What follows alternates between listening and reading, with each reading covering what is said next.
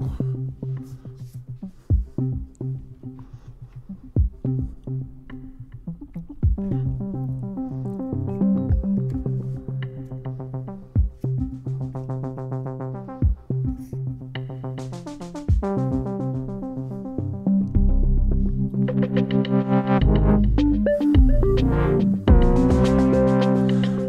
hjertelig morgen derude. Det er blevet onsdag den 10. november, og klokken er syv. Regeringen har fået opbakning fra et bredt for, flertal undskyld, i Folketinget til at opgradere corona til en samfundskritisk sygdom. Det betyder, at regeringen kan indføre restriktioner med hjemmel i epidemiloven. Alle nye tiltag kræver dog, at et flertal i Folketingets epidemiudvalg ikke er imod dem. Men regeringen behøver altså ikke spørge hele Folketinget længere. Og den første restriktion, der kommer i træde i kraft, er altså coronapasset, som kommer til at gælde fra på fredag. Det fortalte formanden for Folketingets epidemiudvalg, Stinus Lindgren fra De Radikale i går aftes. Så hvis man har planer om at øh, skulle i byen eller på restaurant til koncert eller noget her fra på fredag af, jamen så skal man altså forbi et testcenter inden, hvis man altså ikke er vaccineret. Under pressemødet i mandags kom statsministeren med en appel til sygeplejerskerne om at yde en ekstra indsats. Og det provokerede Dansk Sygeplejeråds forperson Grete Christensen og sikkert også mange andre sygeplejersker. Efterfølgende udtalte Grete Christensen til Ritzau, at øh, reaktionerne fra hendes medlemmer på den udtalelse fra statsministeren var meget voldsomme. I går mødtes Grete Christensen så med øh, Mette Frederiksen i forsøg på at finde en løsning eller et honninghjerte, der var stort nok. Men det er bare til synligheden ikke frugt. Statsministeren har lyttet til vores beskrivelse af situationens alvor, men hun har ikke haft mulighed for at give konkrete tilsavn til løsninger, lød det fra Christ Grete Christensen i går, øh, da hun talte med Ritzau. Lige om lidt skal vi tale med Luca Pristad, operationssygeplejerske på Rigshospitalet og talsperson for den landsdækkende styregruppe for arbejdsnedlæggelser. Det er altså dem, der tidligere har strækket og nedlagt arbejdet for at få højere løn og bedre arbejdsvilkår. Men nu vil det altså gå skridt videre og opfordre derfor både sygeplejersker, sosuer og jordmøder til at sige op inden den her måned er omme. Det er jo lidt breaking, og øh, det taler vi med øh, Luca Pristed om lige om lidt. Vi har også meget andet godt på programmet. Vi skal prøve at finde hoved og hale i det, der måske er et kæmpe PR-stunt fra både den danske dyreværsorganisation Anima og erhvervsorganisationen Landbrug og Fødevare. Der er sådan en sag, at Anima har udlovet en dusør på en halv million kroner til den landmand, der vil give Anima og journalister fri adgang til sin kyllingefarm i fem uger, helt anonym endda. Altså og de her fem uger, det er altså den tid, det tager at opdrætte et, en såkaldt turbokylling. Og de vil også have lov til at sætte et kamera op. Landbrug og Fødevare reagerer så ved at sige, at de vil sætte et live-kamera op og udsender så en pressemeddelelse om, at de vil donere de her øh, 500.000 til julemærkefonden. Hvad der er op og ned, og hvad der er ren PR-stunt, det skal vi undersøge her i løbet af morgenen, når vi både taler med Anima og Landbrug og Fødevare. Vi skal også høre, hvad Mette Frederiksen svarede, da der var spørgetime i går i Folketinget, og der er helt sikkert blevet spurgt ind til sagen med de slettede sms'er. Det får vi Joachim B. Olsen, politisk kommentator på Ekstrabladet, til at udlægge for os om en halv time. Du har som lytter meget andet godt i vente, og du kan stille spørgsmål til vores gæster og deltage i debatten ved at sende en sms afsted til 1245, skriv DUAH mellemrum og indholdet af din besked, eller skriv i kommentartråden på Facebook, hvor vi jo sender live. Mit navn er Adam Dreves, og jeg er jeres vært her de næste to uafhængige timer. Men altså først til øh, sygeplejerskerne. Vil Tusindvis af vrede sygeplejersker, jordmøder og socioassistenter siger deres job op. Som jeg just var inde på, så appellerer statsministeren, appellerede statsministeren på mandagens coronapressemøde til, at hospitalspersonale landet over yder en ekstra indsats, nu hvor smidt, coronasmitten stiger hastigt. Men det finder en gruppe sygeplejersker sig ikke i. De har tidligere strækket og nedlagt arbejdet for at få højere løn og går nu skridtet videre og vil opfordre både sygeplejersker, sosuer og jordmøder til at sige op inden måneden er omme. Det fortæller øh, talspersonen til den uafhængige.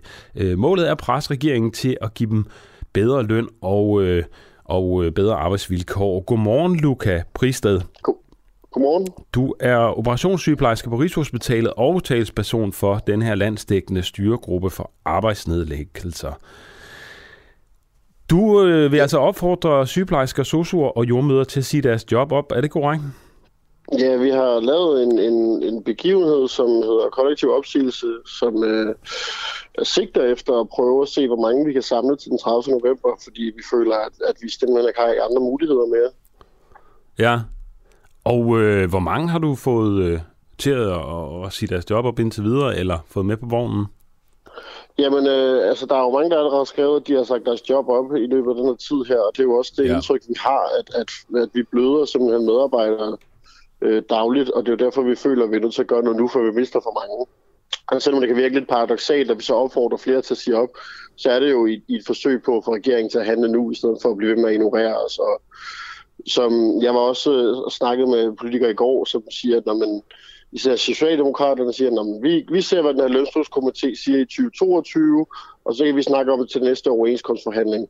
Men nu går vi jo altså et vinterhalvår i møde, hvor vi kan se, at vi mangler medarbejdere, vi mangler ressourcer, og de er nødt til at handle nu, før det går galt.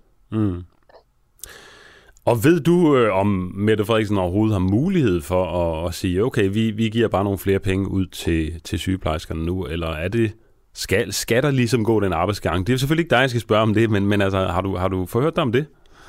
Altså det, jeg har hørt øh, blive omtalt igennem andre medier og politikere, det er jo, at de er i gang med at lave en finanslov og forhandle om en finanspakke, hvor de jo godt kunne finde midler frem.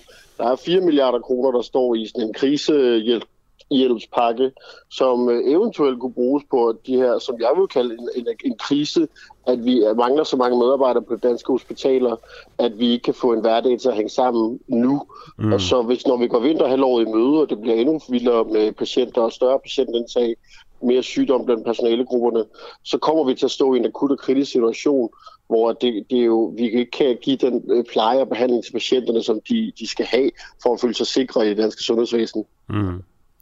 Har du selv sagt dit job op? Nej, ikke nu. Øh, den kollektive opsigelse er jo, at vi siger det op sammen den 30. november, øh, når vi har set, hvor mange vi kan få tilsluttet til sagen, og forhåbentlig på den måde lave et indspark på, på politikerne og få en reaktion. Og det er jo inspireret af, at Finland gjorde det i 2008, hvor 12.000 sygeplejersker satte deres job op, og så fik en lønstigning dagen efter på 30 procent. Eller 25 procent. Det lyder jo meget øh, effektivt. Havde de så også strækket inden? Øh, jeg har faktisk ikke læst øh, hvad, hvad optakten til, men kun læst en avisartikel med, med mm. selve, selve opsigelserne og, og efterfølgende. Ikke? Mm. Og det er jo meget inspirerende, at en arbejdsgruppe kan, kan få den reaktion fra politikerne, og på den måde ønsker vi jo det samme. Lønnen er jo et tegn på, at, at folk flygter fra faget, og vi kan fastholde eller rekruttere nye sygeplejersker. Øhm, så for os så vil det altså, akutte lige nu med et lønløft løse nogle problemer, men der skal jo også en langtidssigtet løsning til, der gør, at folk gider at være sygeplejersker mere, øh, og generelt arbejde i sundhedsvæsenet, for det gider folk ikke lige nu. Mm. Hvor mange, hvor mange vil du sige, at der skal... Altså nu siger du, der var 12.000, der nedlag arbejdet i Finland, og, og det blev en stor succes. Hvor mange øh, skal, ønsker du at skal sige op, før øh, du er tilfreds?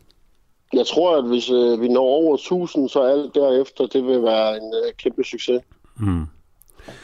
Det er i hvert fald det vigtigste at få sendt et signal, kan man sige. Øh, Luca Pristed, kan du, kan du for lytterne her, kan du prøve at lige give et billede af, hvordan det ser ud ude på, øh, på, på det danske sygeplejerske? Eller i hvert fald, du, du er på Rigshospitalet, kan jeg sige, så, så fortæl, hvordan det ser ud der. Jamen, altså generelt så, så kan vi virkelig mærke, at vi mangler personale.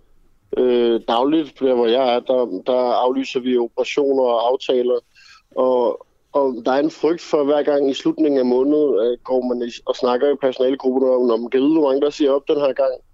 Jeg ved, på andre afdelinger på Ridder er der krisemøder om, hvordan de skal få vagtplanen til at hænge sammen, fordi at fra ledelsen af og fra regionerne af, der kræver man jo, at man behandler lige så mange patienter, som vi altid har gjort, men vi begynder at mangle personale hele tiden, og det kan ikke løbe rundt mere.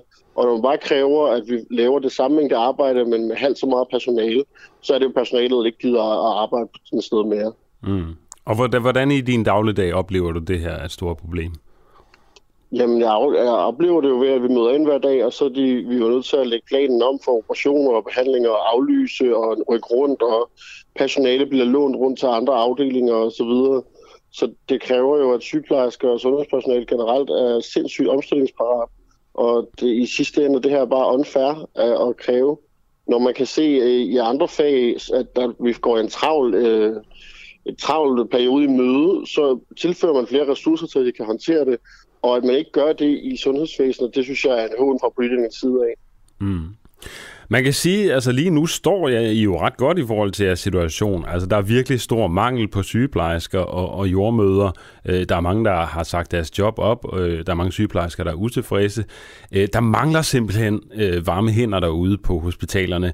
Så hvis I ledninger arbejdet, jamen så kan I jo til enhver tid få, få et arbejde igen. Det er jo ikke sådan, at, at der er noget farligt ved at sige sit job op nærmest. Er det ikke korrekt?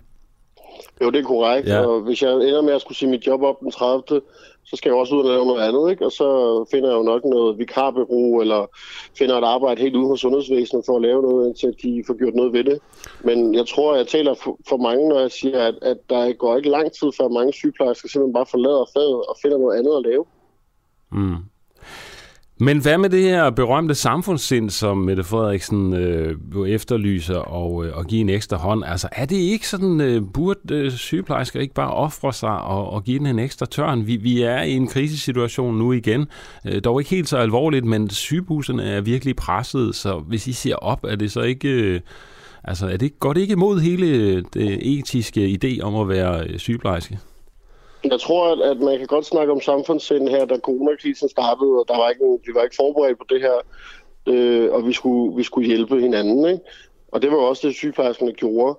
Nu har det her stået på i to år. Vi har lige haft en lønforhandling, i overenskomstforhandling i sommer. I 10 uger, hvor vi blev ignoreret. Vi har lavet arbejdsnedlæggelser i 10 uger, hvor vi blev ignoreret. Og nu banker krisen så på døren igen, og politikerne står lige pludselig, nej, det havde vi slet ikke forventet det her. Vi var jo helt uforberedte. Og det virker jo bare useriøst fra politikernes side af. Så jeg mener ikke, at det er sygeplejerskernes ansvar længere at, at, at stille sig op og arbejde ud over de 37 timer, eller den tid, de er ansat i hvert fald, for at få det danske sundhedsvæsen til at hænge sammen.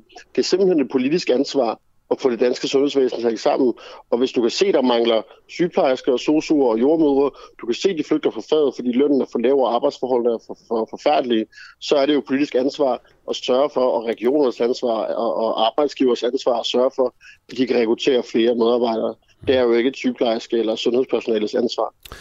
Alright, vi har fået et par sms'er ind her. Øh, folk, der har skrevet til os øh, både på Facebook, men også sendt en sms til 1245, skrevet DUAH mellemrum og indholdet af deres besked. Det har Hette øh, Bilmand øh, Groen gjort. Hun skriver, godmorgen. Vigtigt at huske på, at sygeplejerskekonflikten handler om både arbejdsforhold og løn. Der er en voldsom tendens til at glemme arbejdsforholdene. Arbejdsforholdene, der er det helt basale. Så har vi Hans Rebel, der skriver, jeg kan simpelthen godt forstå de sygeplejersker. Sidste bølge var slem, nu står vi i samme situation. De har bare ikke fået bedre vilkår. Det er skammeligt. Politikerne lægger det døve øre til. Vi kan bruge milliarder på coronatest osv. osv. Så giv dem dog bedre øh, vilkår. Øhm, hvordan personligt med dig, Luca, hvis du øh, nu øh, ikke får så mange med, lad os sige, øh, der, der kun er 100, der går med, vil du så sige dit job op under alle omstændigheder? Det er et godt spørgsmål. Jeg tror, det er noget, jeg, kan, jeg skal mærke efter i løbet af den her måned her. Men altså, da jeg mødte ind på arbejde i går, kunne jeg godt mærke, at, at lysten til at være sygeplejerske, den er faldet drastisk. Og lysten til at være i faget og, og lave det arbejde, jeg har uddannet mig til, den er, den er stort set væk. Altså, jeg, er blevet, jeg, jeg, jeg kan ikke se mig selv som sygeplejerske, hvis jeg skal arbejde under de her forhold. Og når man råber op om problemer og bliver ignoreret af politikere på den måde her. Alright. Uh, tak fordi du var med her til morgen, uh, Luca Pristed, operationssygeplejerske på Rigshospitalet og talsperson for den landsdækkende styregruppe for arbejdsnedlæggelser. Tusind tak. Ja, God morgen. Jeg kan sige, at vi senere taler med Henny Christensen. Hun er redaktionschef på øh, TV2 og øh, har beskæftiget sig indgående med sygeplejerskernes strække, og vi øh, skal selvfølgelig få hendes øh, vurdering af situationen og spørgsmålet om de her masse opsigelser bliver til noget, og om der nok bliver handlet på dem eller ej. Du lytter lige nu til en uafhængig morgen. Kritisk, nysgerrig og levende radio, som politikerne ikke kan lukke.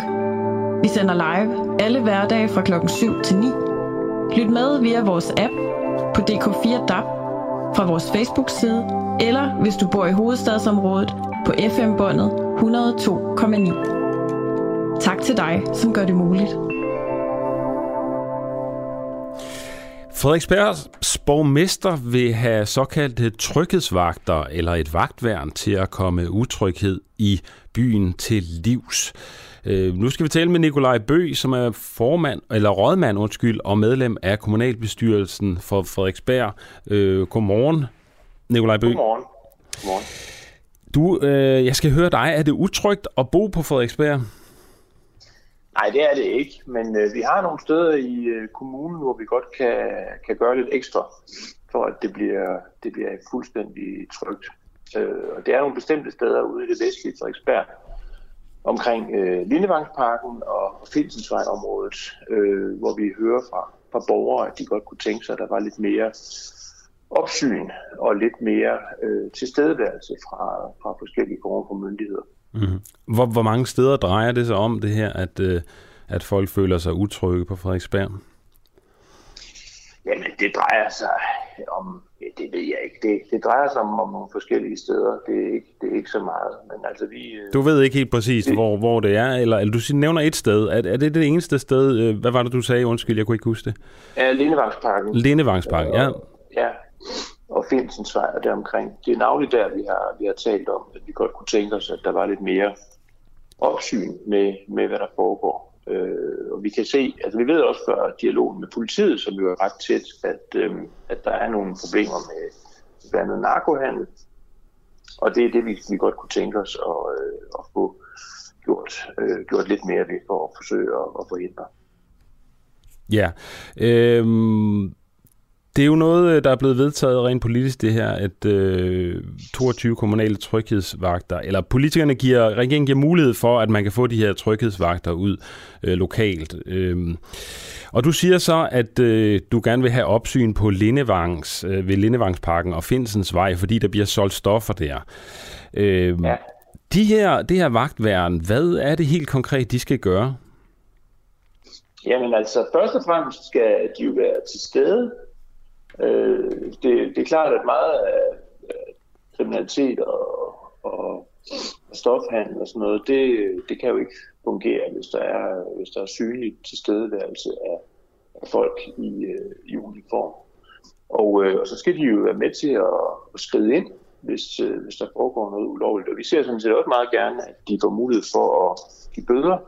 Det er jo noget af det, som, øh, som der tales om i øjeblikket i, Folketinget omkring den udmøntning af den her mulighed, der er i politiforliget fra december 2020 om de her øh, tryghedsfaktiske mulighed for at give, give bøder. Det synes vi ville være en god idé. Det giver dem noget mere autoritet og skaber noget mere respekt omkring dem i byrummet. Mm-hmm. Så, så er magtbeføjelser, siger du, de skal kunne skride ind. Øh, du vil gerne have, at de giver bøder, men det er så ikke sikkert endnu. Er der andre ting, de, de skal have lov til at gøre? Skal de have øh, våben eller noget, eller hvordan? Nej, det, det, det mener jeg ikke, de skal. Altså det, det, som vi gerne vil have, det er jo, at vores øh, eksisterende korps af assistenter, som vi kalder dem, som, øh, som blandt andet øh, er, fungerer som parkeringsvagter, men også fungerer som, som rådgiver for, for kommunen og, og de besøgende på, på andre områder, at de, kan, at de får de her ekstra beføjelser, øh, og vi formentlig også øh, ansætter nogle, nogle flere af dem.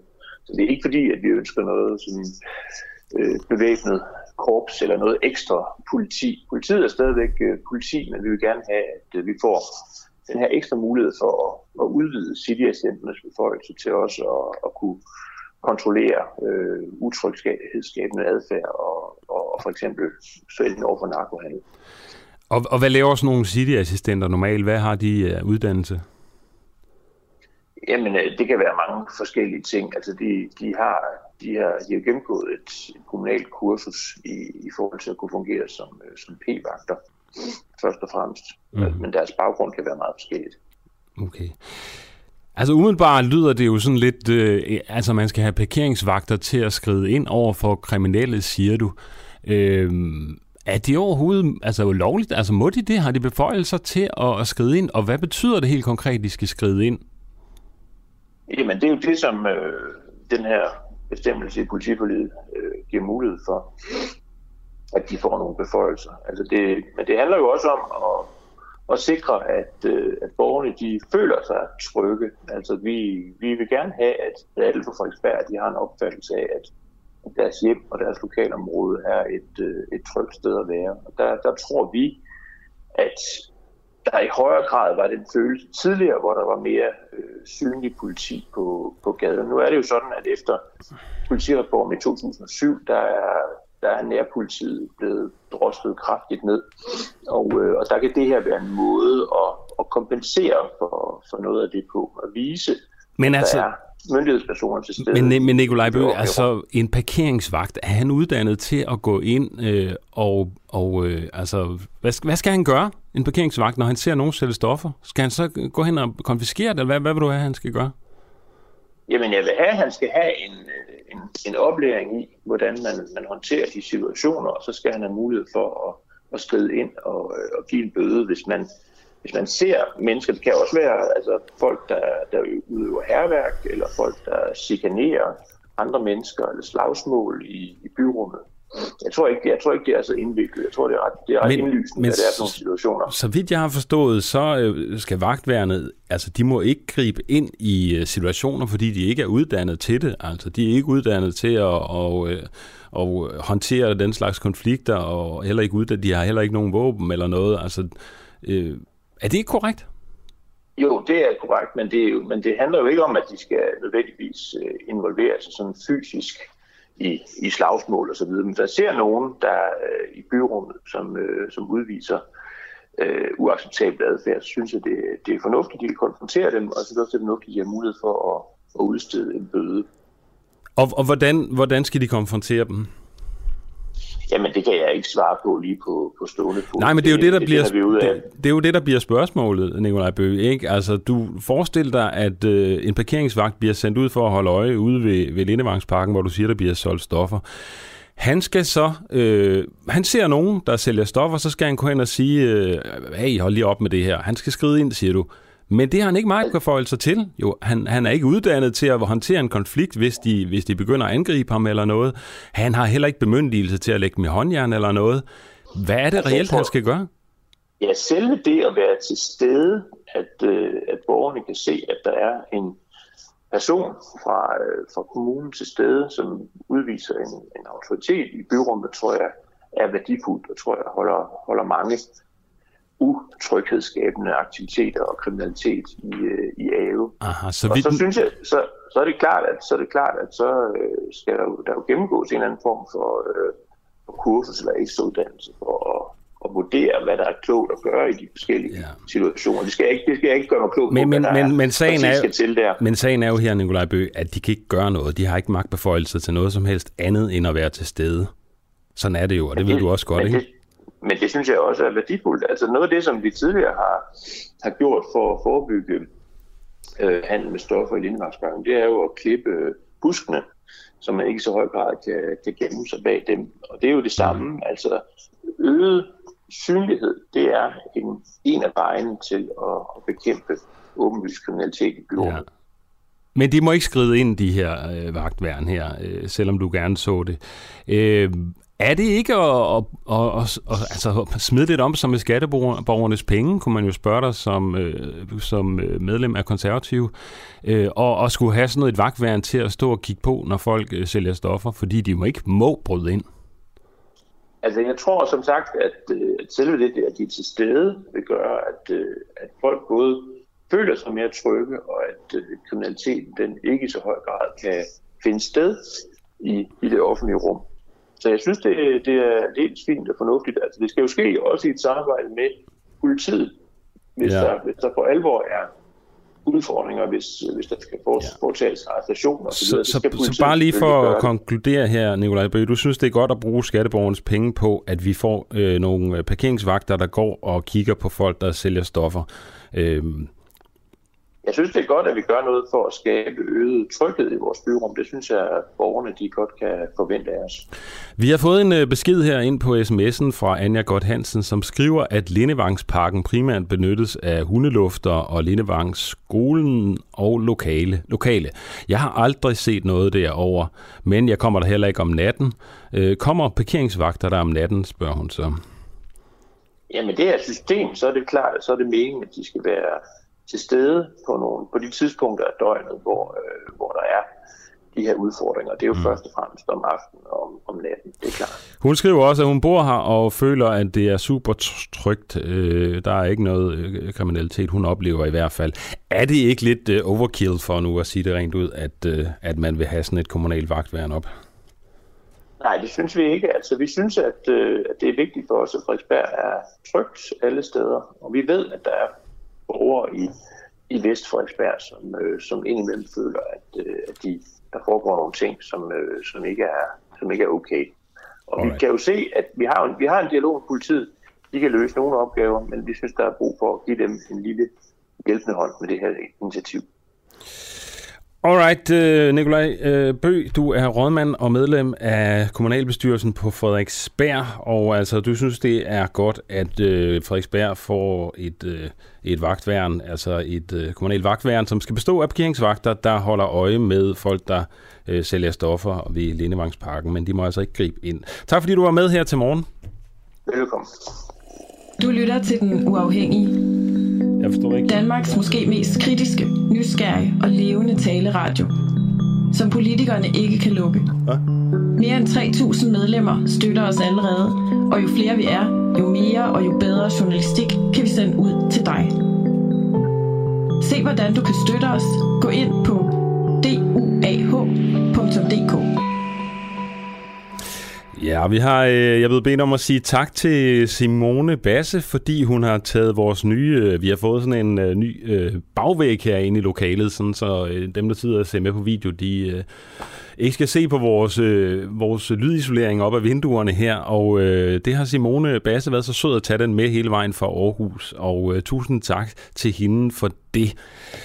Ja, hvis vi kigger lidt ud over øh, nyhedsfronten her til morgen, jamen så øh, er der sket det, at øh, migranter de øh, på grænsen mellem øh, øh, Hviderusland eller Belarus og Polen, der er migranterne begyndt at bryde igennem hegnet. To store grupper af migranter er angiveligt brudt igennem flere hegn på grænsen mellem Polen og Hviderusland. Det oplyser det polske nyhedsbyrå PAP ifølge Ritzau. Øh, dusinvis af mennesker skulle have ødelagt hegn nær landsbyerne Krynki og øh, Bialowsiska, hvis jeg udtaler det korrekt, og er stormet ind over grænsen. Der er omkring 90 km mellem de to øh, byer. Ifølge en talskvinde fra det polske grænsepoliti, major Katajana Stanovic, hvis der er nogen, der er utilfredse med min polske udtale, må de gerne øh, kommentere det. Det beklager øh, Så blev grænsehegn og andre barriere i begge tilfælde revet ned med vold. Nogle af de involverede øh, migranter blev fanget og ført tilbage til Hvide Rusland. Altså det er jo den her konflikt, vi også øh, dækkede i går, hvor øh, øh Belarus' øh, præsident Lukashenko simpelthen øh, fører sådan en slags hybridkrig krig mod øh, Europa, EU, ved at sende øh, migranter ind i Polen for simpelthen at destabilisere øh, EU. Der er også begyndt at blive øh, undersøgt øh, videre og dykke ned i øh, Trumps øh, inderkreds omkring øh, den her øh, stormløb, der var på kongresbygningen i Washington øh, den 6. januar. Øh, det er, at der er et udvalg i det amerikanske kongres, der er ved at kuglegrave, hvad der skete helt præcis i det her stormløb.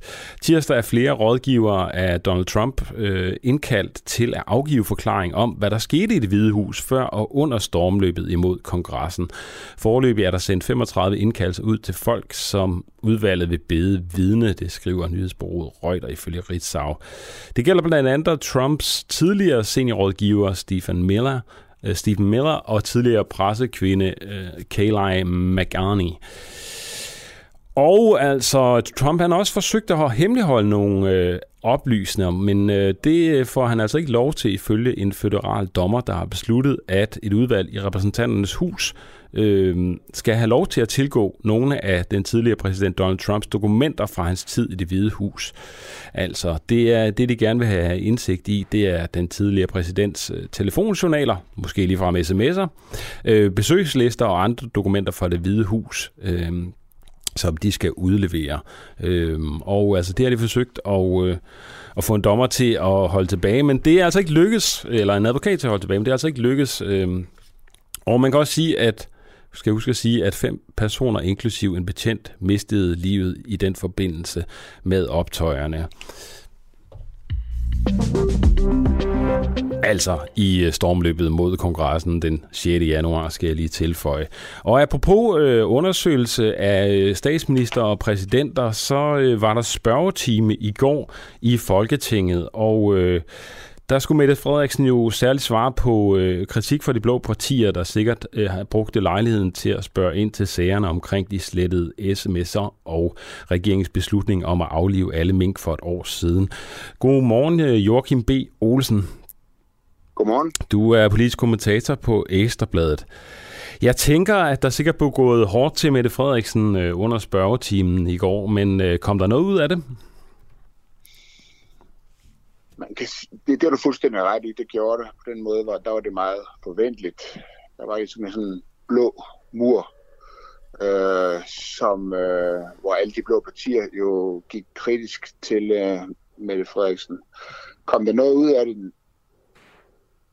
det gjorde der ikke. Altså, det var nogle for lidt forventelige svar. Mette Frederiksen, hun øh, blev selvfølgelig ved med at henvise til øh, Grænsningskommissionen osv. Mm. Der var et spørgsmål, som øh, jeg tror mange stussede over. Det var det spørgsmål, som øh, konservativs formand Søren Pape stillede. Mm-hmm. Nemlig, at om hun havde været på et møde i det, der hedder Nosten, øh, den 3. november Øh, det var sådan et lidt underligt spørgsmål. Altså, ikke, det er ikke noget, som der har været fremme i medierne, ikke noget, man har hørt om. Øhm, og fortæl os lige, ja, hvad, hvad er Nosten for noget? Jamen, det er sådan den øh, øh, nationale operativ, operative, øh, jeg kan ikke engang huske, hvad det sidste er. Men, men det er ligesom der, hvor man koordinerer, hvor politiet, hvor forskellige myndigheder, de, de koordinerer forskellige indsatser. Altså for eksempel det, at alle mængder skulle slås ned. Ikke? Det, det, var, det er rent praktiske i det. Det, det er koordineret i det, der hedder NOSten. Mm-hmm. Øhm, og, og, det, og det, det var bare et lidt underligt spørgsmål. Øh, jeg tror, mange stussede over det, fordi det var sådan et spørgsmål, der sådan... Øh, hvad skal man sige... Man havde en fornemmelse af, at han vidste noget, som ingen andre vidste. Okay. Men han, han uddybede ikke, hvad det var, så videre. Men det tror jeg, der er mange, der stussede over det spørgsmål. Ja, jeg kan ikke minde så have hørt noget om, om det her møde. Øh, øh, men, øh, men hvad svarede hun så? Men hun svarede, at øh, hun er principielle årsager ikke vil sådan, kommentere på, hvilke møder hun, øh, hun deltog i. Mm-hmm. Hun kan ikke så huske det? det. Sådan, nej, hun, ja, hun sagde også, ja, hun sagde faktisk også, at øh, hvad, hvilke møder jeg har deltaget på for et år siden. År siden det, øh, så det, det mente hun ikke, det var game, hun skulle stå og svare på øh, i Folketingssalen. Okay, jeg får at vide her i min øresnegl, at øh, det er NOST, det hedder. Øh, det er et møde øh, med den nationale operative stab. Det er altså det, der står Præcis, for ja, den 3. Øh, november øh, 2020, den 3. november, hvor øh, mink blev diskuteret. Ja, det kom det der så ikke noget svar på. Hvad er der andre spændende spørgsmål, øh, interessante spørgsmål, øh, der blev stillet? Altså, var der, altså, der var jo ligesom de sådan, måske de lidt øh, forventelige ting, hvor hun bliver spurgt ind til, øh, øh, at det som afdelingschef Thijs Spinderup har vidnet i, i Mink-sagen, nemlig at der er blevet taget en, en, en, en væsentlig oplysning ud af det materiale, som blev forelagt ministerne på mødet i koordinationsudvalget 3. november. Nemlig at det at slå alle mink ned øh, det, vil, det vil være det samme som at lukke branchen. Mm. Øh, og, og hun spurgte den til, om hun havde i den forbindelse, om hun havde tillid til sine embedsmænd, når sådan et, øh, øhm, øh, sådan en vigtig oplysning bliver taget ud, og det understreger sådan igen og igen, at...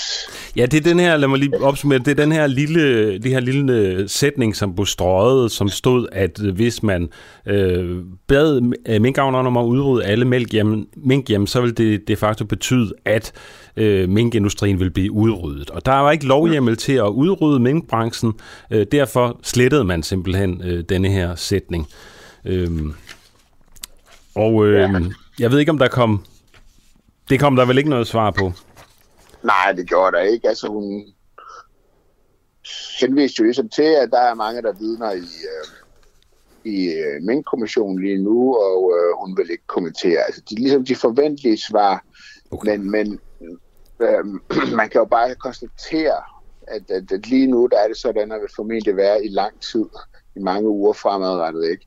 at øh, der kommer hun ikke til at tale øh, om ret meget andet. Altså de blå partier, de vil ligesom øh, angribe og angribe og angribe, og, og øh, der, de vil nok ikke få mange svar, men man kan jo sige, at det tager jo opmærksomheden fra alt andet, og, og, og det slider utrolig meget på en regering, at man har 100 journalister og en hel opposition, der bliver ved med at spørge, ind til det samme. Det er klart, øh, og det slider også på, på lytterne derude, fordi at, øh, øh, der er mange mennesker, der vil være trætte af den her sag. Har du et, et, et rigtig godt spørgsmål, du gerne ville have stillet i spørgetimen, hvis du havde kunne få lov til det? Nej, men jeg synes sådan set, at, at, at man kan sige, øh, jeg tror, jeg har, jeg har spurgt ind til, til noget af det samme som det, som, øh, som Ellemann han spørger ind til, nemlig det her møde, fordi at, det, at den her oplysning bliver taget ud, fordi det er meget, meget væsentligt. Altså, og, og jeg kan egentlig godt forstå, at der er mange, der er trætte af at høre mink. Uh, der er også mange, der ikke er, vil jeg så sige. Ja, det er klart. Hvis det medier ja. kan skrive under på, at det, det er noget, der, det er der vigtigt. trækker læser ja. og lytter til. Og så er det, som du selv siger, uh, altså det er jo også en, en, en en vigtig sag at komme til bund til. Men det er også vigtigt at understrege, at, at der er jo ikke nogen rygende pistol mod Mette Frederiksen endnu. Det må man sige. Der er ikke noget endegyldigt øh, bevis på, at, at hun har vidst, at der ikke var hjemmel, da beslutningen den blev taget. Og derfor så er der stadigvæk en mulighed for, at, at, det kan blive en maveplasker for Blå Blok, når min kommissionen kommer med sin kommission på et tidspunkt. Okay. Men det kan også gå den anden vej, så det er ekstremt spændende. Okay. Tusind tak, fordi du var med her til morgen, øh, Joachim B. Olsen, politisk kommentator på Ekstrabladet. Øh, det var spændende at høre. Kan du have en god morgen? Ja, ja lige måde. Hej. Hej. Du lytter til Den Uafhængige. Danmarks måske mest kritiske, nysgerrige og levende taleradio. Som politikerne ikke kan lukke. Mere end 3.000 medlemmer støtter os allerede, og jo flere vi er, jo mere og jo bedre journalistik kan vi sende ud til dig. Se hvordan du kan støtte os. Gå ind på duah.dk Ja, og øh, det er jo sådan, at vi i øjeblikket kører det, der hedder en ambassadørkampagne. Det er noget, vi selv kalder den, og det er, fordi man simpelthen kan blive ambassadør hos os. Man kan blive medlem af Den Uafhængige. Vi er jo et, øh, et medie, som ikke modtager en krone fra staten, øh, som udelukkende øh, får, får støtte gennem de medlemmer, der synes, at de frivillige har lyst til at, at betale, altså de lyttere, der frivilligt har lyst til at betale til os, fordi de synes, at vi gør det godt, og også gerne vil have, at øh, vi udvikler os og bliver større. Vi vil jo gerne være en radiostation, der, der sender hele dagen og øh, en masse programmer. Hvis du gerne vil være med til at, at bidrage til det, jamen så kan du støtte os med øh, 39 kroner om måneden, eller øh, 349 kroner for et helt år. Det du skal gøre øh, lige nu, det er, at du kan få øh, et særligt fordelagtigt indgangstilbud øh, frem til tirsdag i næste uge. Du kan få en gratis kop for den uafhængige, og du kan selv bestemme den første måned, hvor meget du vil betale. Du kan betale 39 kroner, du kan også betale 0 kroner, og altså få den her kop, som normalt koster 200 kroner oveni. Det er et fantastisk tilbud, fordi vi gerne vil have nogle nye medlemmer, der pakker os op. Du skal tage din telefon, sende en sms afsted til 1245, skriv AMB, altså AMB for ambassadør, de tre første bogstaver i ambassadør AMB og send det afsted til 1245. Så får du et link og bliver guidet hen til en side, hvor du så selv kan bestemme, hvor meget du har lyst til at betale den første måned. Øh, så er det så 39 kroner efterfølgende, men der er ingen binding. Du kan melde dig ud når som helst. Vi håber, at du har lyst til at bidrage og støtte vores medie, så vi kan udvikle sig og blive endnu større. Øh, det vil vi være meget, meget taknemmelige for.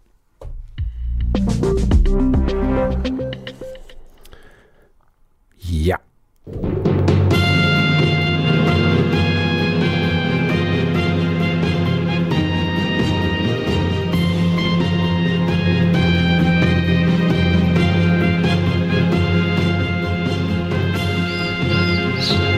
Ja, vi har simpelthen fået en helt ny øh, jingle her på, på Den Uafhængige. Nej, det er til vores næste indslag, men vores øh, kilder er ikke helt klar endnu, så vi tager lige en anden øh, nyhed. Og øh, det er for eksempel, at øh, amerikanske DoorDash opkøber Volt. Øh, Volts mange bud kommer fremover til at bringe mad øh, for en amerikansk ejer. Den amerikanske madleveringstjeneste DoorDash har nemlig købt finske Volt Enterprises for omkring 7 milliarder euro, svarende til cirka 52 milliarder danske kroner. Det oplyser DoorDash i en pressemeddelelse. Købet af Volt er det største for DoorDash nogensinde. DoorDash og Volt deler en division om at bygge en global platform for lokal handel, der styrker de samfund, øh, vi arbejder i, siger medstifter og administrerende direktør for DoorDash, Tony Wu. Øh, styrk det samfund, vi arbejder i, det må man øh, så spørge om, øh, om det også er, er realiteten. Det øh, kunne man jo godt stille sig lidt kritisk over for i forhold til de arbejdsbetingelser, der er tit i de her firmaer, og øh, Ja, øh, den finske voldstifter og administrerende direktør Miki Kushi bliver administrerende direktør i DoorDash International, når gennem øh, gennem overtagelsen er gennemført. Og undskyld. Øhm, ja, så ved jeg ikke, om vi er ved at være på trapperne. Vores næste øh, kilde, det er vi vist ikke helt endnu. Så kan jeg til gengæld fortælle, at øh, NASA melder ud, at de øh, først sender folk til månen igen i 2025. Øhm, det er jo dejligt at høre, at der er lidt gang i, øh, i rumtrafikken igen. Tidligst i 25 kommer USA til at sende astronauter afsted til månen på en mission, som ellers var planlagt til 2024. Det oplyser NASA ifølge nyhedsbyrået Reuters. Måneprojektet Artemis var udtænkt som et skridt på vejen mod at få mennesker på Mars, men ifølge NASA holder tidsplanen, som blev fastlagt øh, af Donald Trump, mens han var præsident, ikke. Vi kommer tidligst til at sende en bemandet mission afsted i 2025, og det bliver første landing med mennesker om bord fra konkurrencevinderen SpaceX, siger NASA-chef Bill Nelson. Og NASA har tegnet, tidligere tegnet en kontrakt i milliardklassen med firmaet SpaceX, som altså er Tesla-milliardæren øh, Elon Musk, der står bag det firma.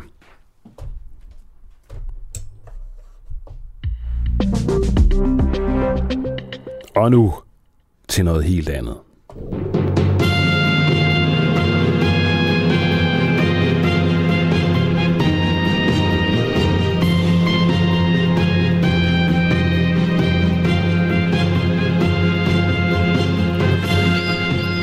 Ja, jeg ved ikke, om øh, du som lytter kan genkende øh, den her kendingsmelodi, men det er simpelthen reality-showet Fangerne på Fortet, der er tilbage på tv-skærmene.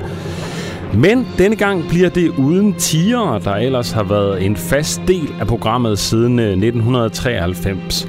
Øh, ikke bare i den danske version, men også i de øvrige 32 lande, der har deres egen udgive, udgave af showet. Det er takket være lobbyarbejde fra foreningen World Animal Protection i Danmark. Og øh, vi skal nu tale med øh, Stephanie Kruse Clausen. Du er kampagnechef i World Animal Protection Danmark. Godmorgen. Godmorgen, Adam.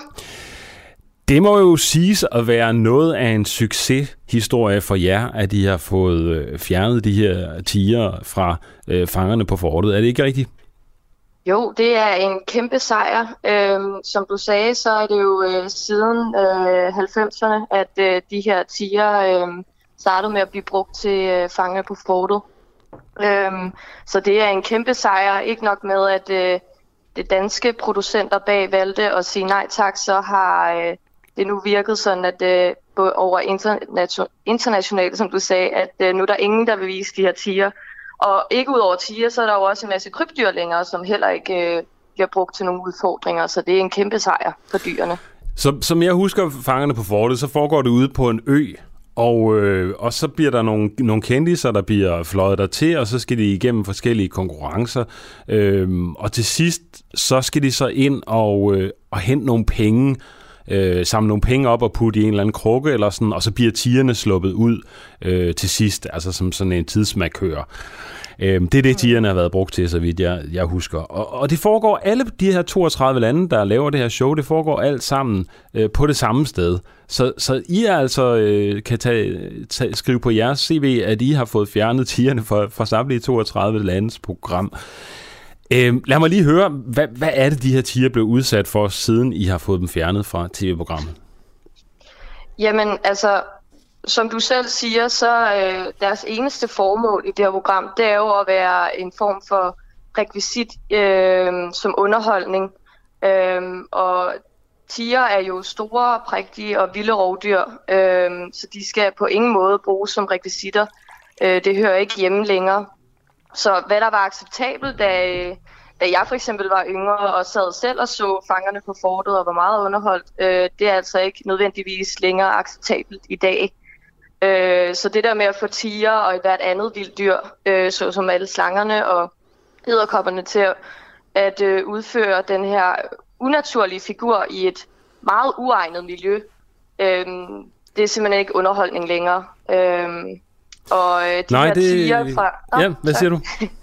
Jamen, jeg vil bare sige, at øh, de her tiger, øh, de bliver jo fragtet ud til øen øh, en uge inden optagelsen, og så lever de i sådan nogle små celler, som på ingen måde har noget at gøre med deres naturlige omgivelser. Og der lever de ja, i to måneder, indtil de så bliver fragtet tilbage med båd øh, til øh, en park, hvor de lever. Så, altså, der så de ryger bliver transporteret frem og tilbage øh, hele tiden øh, til øen, ja. for så lige at skulle øh, ud og være på, på tv et kort øjeblik. Ja. Okay. Øh, det er jo meget sjov udvikling, det her, fordi jeg, så vidt jeg kan forstå, så er der også virkelig, går det ikke så godt for cirkus og sådan noget. Det er selvfølgelig lidt en anden boldgade, men, øh, men, men det tænker jeg også, du må vide noget om, at, at elefanterne forsvinder fra cirkus og den slags. Øh, er det helt slut med at have, have dyr i, i underholdningsbranchen? Øh, nej, desværre ikke, men det er jo det, vi kæmper for, og det er det, vi har kæmpet for i rigtig mange år i uh, World Animal Protection. Øhm, heldigvis så er det jo blevet ført igennem, at man ikke må have vilde dyr i cirkus i Danmark, og mange andre lande i verden er også begyndt at følge trop. Øhm, for eksempel i Frankrig har de også lige valgt, at, øh, at øh, omrejsende cirkusser heller ikke skal være tilladt længere. Men desværre så, og som jeg også sagde, vi har kæmpet for længe, det er, at man stadig ser delfiner i underholdning. Der er elefanter, der bliver brugt som underholdning. Øhm, og der er vi jo ligesom med til at skulle oplyse befolkningen, og derudover der har vi jo også arbejdet sammen med andre øh, i underholdningsindustrien, ligesom vi har været i kontakt med øh, produktionsselskaberne Nent Group og Mastiff øh, her på Fangerne på Fortet, dem der producerer det, så er vi jo også i kontakt med andre i industrien for ligesom at sige til dem, at de har altså også et ansvar i forhold til, hvordan man etisk kan bruge øh, og behandle dyr i, i dag. Mm-hmm. Fortæl lige, hvordan, altså det må være en kæmpe succeshistorie, som sagt, for jer, det her. Hvordan lykkedes det jer at få overbevist uh, tv-programmerne om, at, uh, at de, der ikke skulle være tiger med?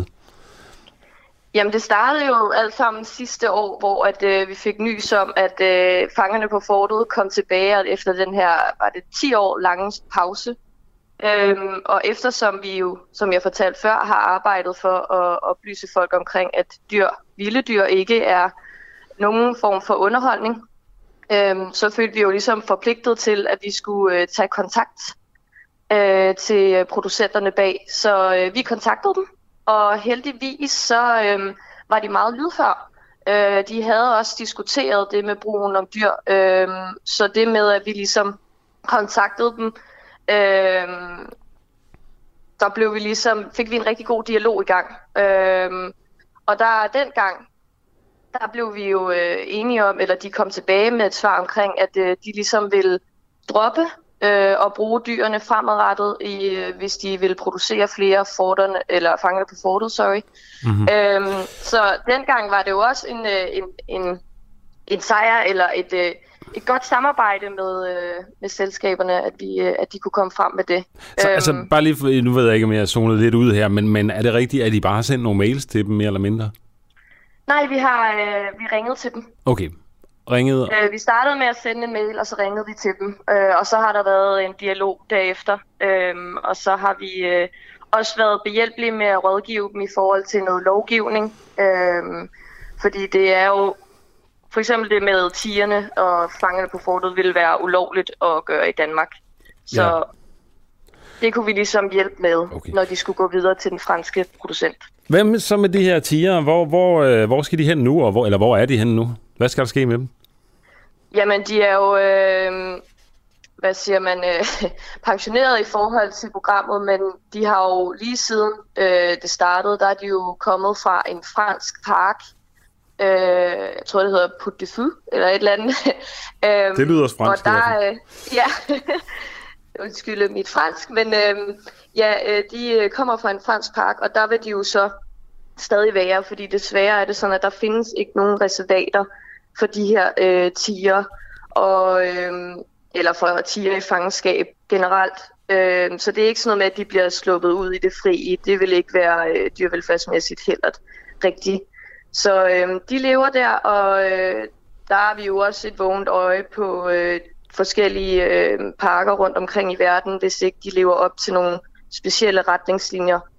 Øh, så ja, der skal de leve indtil, jeg tror, den ene er 14 år, den anden er 4 år hvis jeg husker ret. Okay, så det lyder som en dejlig pension for, for tigerne her. Øh, er der andre steder, hvis du lige sådan her til sidst skal sætte fokus på, på dyrevelfærd i Danmark? Altså, hvordan, hvordan går det med, med dyr i, øh, i underholdningsindustrien og, og på tv og den slags? Altså, du, du, du nævner selv, der er delfiner og øh, elefanter, som stadig bliver vist i den slags øh, scenarier. Hvor, hvor vil du gerne slå ned? Hvor er det værste sted, det, der foregår ting og sager? Øh, jamen divers, altså det er jo ikke fordi, at vi har det i Danmark, men der er jo mange danske turister, der tager ud forskellige steder og øh, rider på elefanter, øh, vasker elefanter, eller bare hele taget kommer i direkte kontakt med dem. Og der er også folk, der tager til delfinshows, går ud og svømmer med delfiner i, øh, i fangenskab. Og øh, altså jeg øh, kender jo selv til det, jeg er jo også kæmpe dyremenneske, og dengang jeg ikke var informeret, der vil jeg da også alle de her ting. Øhm, så vores opgave er ligesom at oplyse befolkningen omkring, hvorfor er det forkert, og hvorfor de her dyr lider, fordi det er vilde dyr, og det er ikke underholdning. De skal ikke leve i fangenskab, de skal leve i det frie, og de skal opleves øhm, på afstand. Okay. Så øhm, ja. Hvad siger du til zoologiske haver og sådan noget? Vil du gerne have, at øh, de bliver lukket ned? Øh, nej.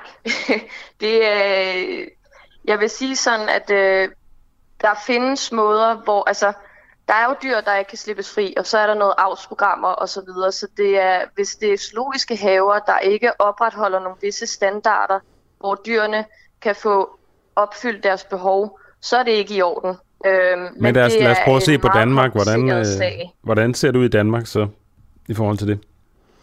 Øhm, jamen, det er... Altså, der er jo øh, visse dyr, igen, det er, hvor man skal kigge på det specifikke dyr. Jeg kan ikke sådan overordnet sige, om øh, Københavns Zoo øh, bør lukke eller ej. det øh, vil jeg slet ikke udtale mig om, men øh, der du er, er kampagnechef i World Animal Protection. Nu er du i radioen og har mulighed for at slå ned på det aller værste i Danmark. Hvad er det, der er det aller værste? Jeg kan sige, at der er visse dyr, der ikke er egnet til at være i fangenskab. Hvis man ikke kan forsyne dyret med god nok, øh, godt nok miljø og god nok berigelse, og hvis det ikke er nødvendigt at have de her dyr, så synes jeg bestemt ikke, man skal have dem. Og hvis vi skal blive konkrete, hvor, hvor vil du pege, sætte pegefingeren så? Øh, jamen, store rovdyr. De skal ikke i zoologisk have, eller hvor, hvor er det henne? Hvorhen, hvor? Ja, hvis du skal sætte en finger på landkortet i Danmark, hvor er det så, det står grælles til med dyrevelfærd? I Danmark. Mm-hmm. Øh, med vilde dyr. Ja. I zoologiske haver. Jamen, der findes Nej, jo, jeg siger ikke øh, zoologisk have, jeg siger, hvorhen er det, står det værst til i Danmark med dyrevelfærd? Øhm, jamen, øh, der vil jeg sige, så kommer vi helt over i noget andet, men øh, med øh, minkene. Nu er de der heldigvis ikke lige nu, men Ja, vi de håber er- da, at de det ikke så- genopstår igen. Det håber det du ikke ikke genopstår eller genopstår? Det håber vi ikke genopstår. Nej, det er klart. Nej, okay. Men øh, hvis minkene så ikke er der, nu er de jo ude. Hvad, hvad, hvor er så det værste sted? Øhm, jamen, øh, vi har jo også haft kørt en øh, kampagne med, øh, hvad hedder det, over i Fjordbælt med nogle øh, marsvin, der bliver holdt i fangenskab. Øhm, men ja, altså generelt, Stephanie Kruse Clausen, du er kampagnechef, du er kampagnechef i World Animal Protection Danmark, og det lyder virkelig som om, at det går rigtig godt i Danmark. Det lyder ikke som om, du virkelig har noget på hjertet, hvor du vil sige, det her, det er simpelthen det værste, der sker lige nu. Der er noget med nogle marsvin. altså nu er, jeg, nu er jeg meget over i vilde dyr jo, men hvis vi Aha. generelt skal snakke med om dyr, så er det jo i landbruget. Vi skal faktisk... alle de øh, ja, mange svin, og øh, der bliver holdt i, i industrielt landbrug, øh, det er det er simpelthen, øh, ja, de bliver holdt under rigtig kummerlige forhold. Så det er nok der, vi også skal zoome ind i Danmark, hvor at, øh, vi kunne gøre det meget bedre. Mhm. Øhm, så øh, Det er i hvert fald øh, noget, vi kommer til at, at zoome ind på i dag i, i radioen, hvis du lytter med fortsat. Øh, altså, fordi vi skal tale med øh, både Anima og Landbrug og Fødevare, som er sådan lidt i en konflikt omkring, hvordan forholdene er på, på kyllingefarmene. Hvordan, hvordan er kyll- Vil du sige, de er? Ved du noget om det? om kyllingfarmene? Mm? Ja, det er selvfølgelig altså, ikke vilde dyr. om.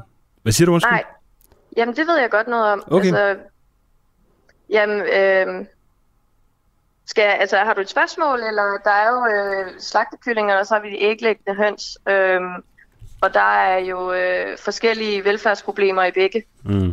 Øhm, der er jo for eksempel lige kommet et, øh, en ny rapport ud, der siger, at det var det 85 procent af alle æglæggende høns, de får øh, brud på brystbenet øh, i produktionen. Og så har vi jo de øh, hurtigvoksende øh, kyllinger i, øh, ja, hos slagtekyllingerne, som også øh, lider under produktionen. Så ja, der er mange områder, man kan tage fat i, og øh. Det, det gør vi lidt senere øh, med øh, Anima og Landbrug og Fødevare. Øh, jamen, det lyder godt. Det er nemlig rigtig godt. Christine, øh, Stephanie Kruse, øh, Clausen, du er kampagnechef i World Animal Protection Danmark. Tak fordi du var med her til morgen, og tillykke med, at de har fået fjernet tigerne fra øh, fangerne på fortet. Jo, tak. Jeg vil lige sige, at jeg er ikke kampagnechef, jeg er kampagneansvarlig.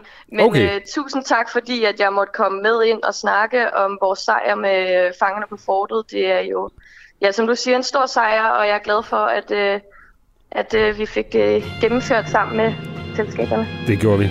Tak skal du have. Tak, hej. Hej.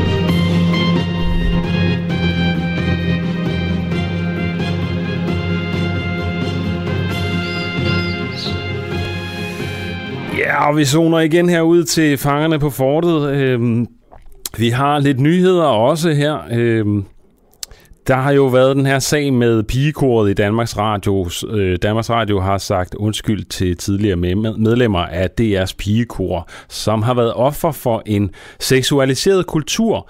Men ifølge politikken er det ikke givet, at det slutter ved det, altså ved en undskyldning. Flere korpigersangerne ytrer således et ønske om at få erstatning fra Danmarks Radio. Øh, ja, det vil være rimeligt, at de betalte erstatning, siger en tidligere korsanger, som ligesom andre oplevede at blive begrænset af den tidligere chefdirigent Tage Mortensen. Onsdag eftermiddag skal tidligere medlemmer af pigekoret deltage i et møde med DR, altså det er i dag eftermiddag, hvor konklusionerne af en advokatundersøgelse, som Danmarks Radio har fået lavet, skal diskuteres. Altså det er det, den her rapport, vi har ventet på, den her undersøgelse, vi har ventet på i rigtig lang tid, den kommer altså frem i dag øh, her i eftermiddag. Det bliver rigtig spændende at se, hvad Danmarks Radios øh, advokater er nået frem til der. Øh, Politikken har talt med Mads Krøger Pramming, advokat med speciale i erstatningsret, som repræsenterede Godhavsdrengene, og han vurderer det realistisk, at KORP-medlemmerne kan få visse økonomiske kompensationer. I det hele taget bliver det sandt at, øh, at følge det her, hvad, hvad, øh, hvad der er op og ned i den her sag, og hvor lang tid det har stået på. Du lytter lige nu til Den Uafhængige Danmarks måske mest kritiske, nysgerrige og levende radio. Hvis du har en god idé til en historie, så skriv til os på Facebook eller send os en mail. Adressen finder du på hjemmesiden.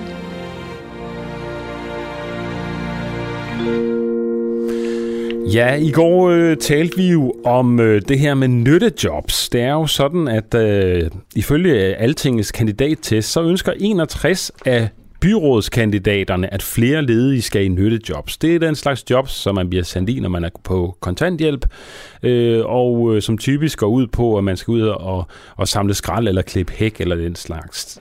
Øh, den her kandidattest og oplysningen om, at 61 procent af byrådskandidaterne ønsker flere i nyttejobs, kommer samtidig med, at øh, regeringen lige nu forhandler med Folketingets partier om at sende op mod 20.000 kontanthjælpsmodtagere, primært med ikke-vestlig baggrund, i nyttejobs. Øh, men altså, i dag der er der forsvindende få arbejder i, som øh, ledige, som arbejder i øh, såkaldte nyttejobs, øh, som blev lanceret med kontanthjælpsreformen i 2014. Det vil et flertal af landets byrådskandidater lave om på, som sagt. Men i Odense Kommune har man for nylig nedstemt et forslag om flere nyttejobs. Nu skal vi tale med, med dig, med Brian Dybro, rådmand fra for Beskæftigelses- og Socialforvaltning for SF i Odense Kommune. Godmorgen til dig. Godmorgen.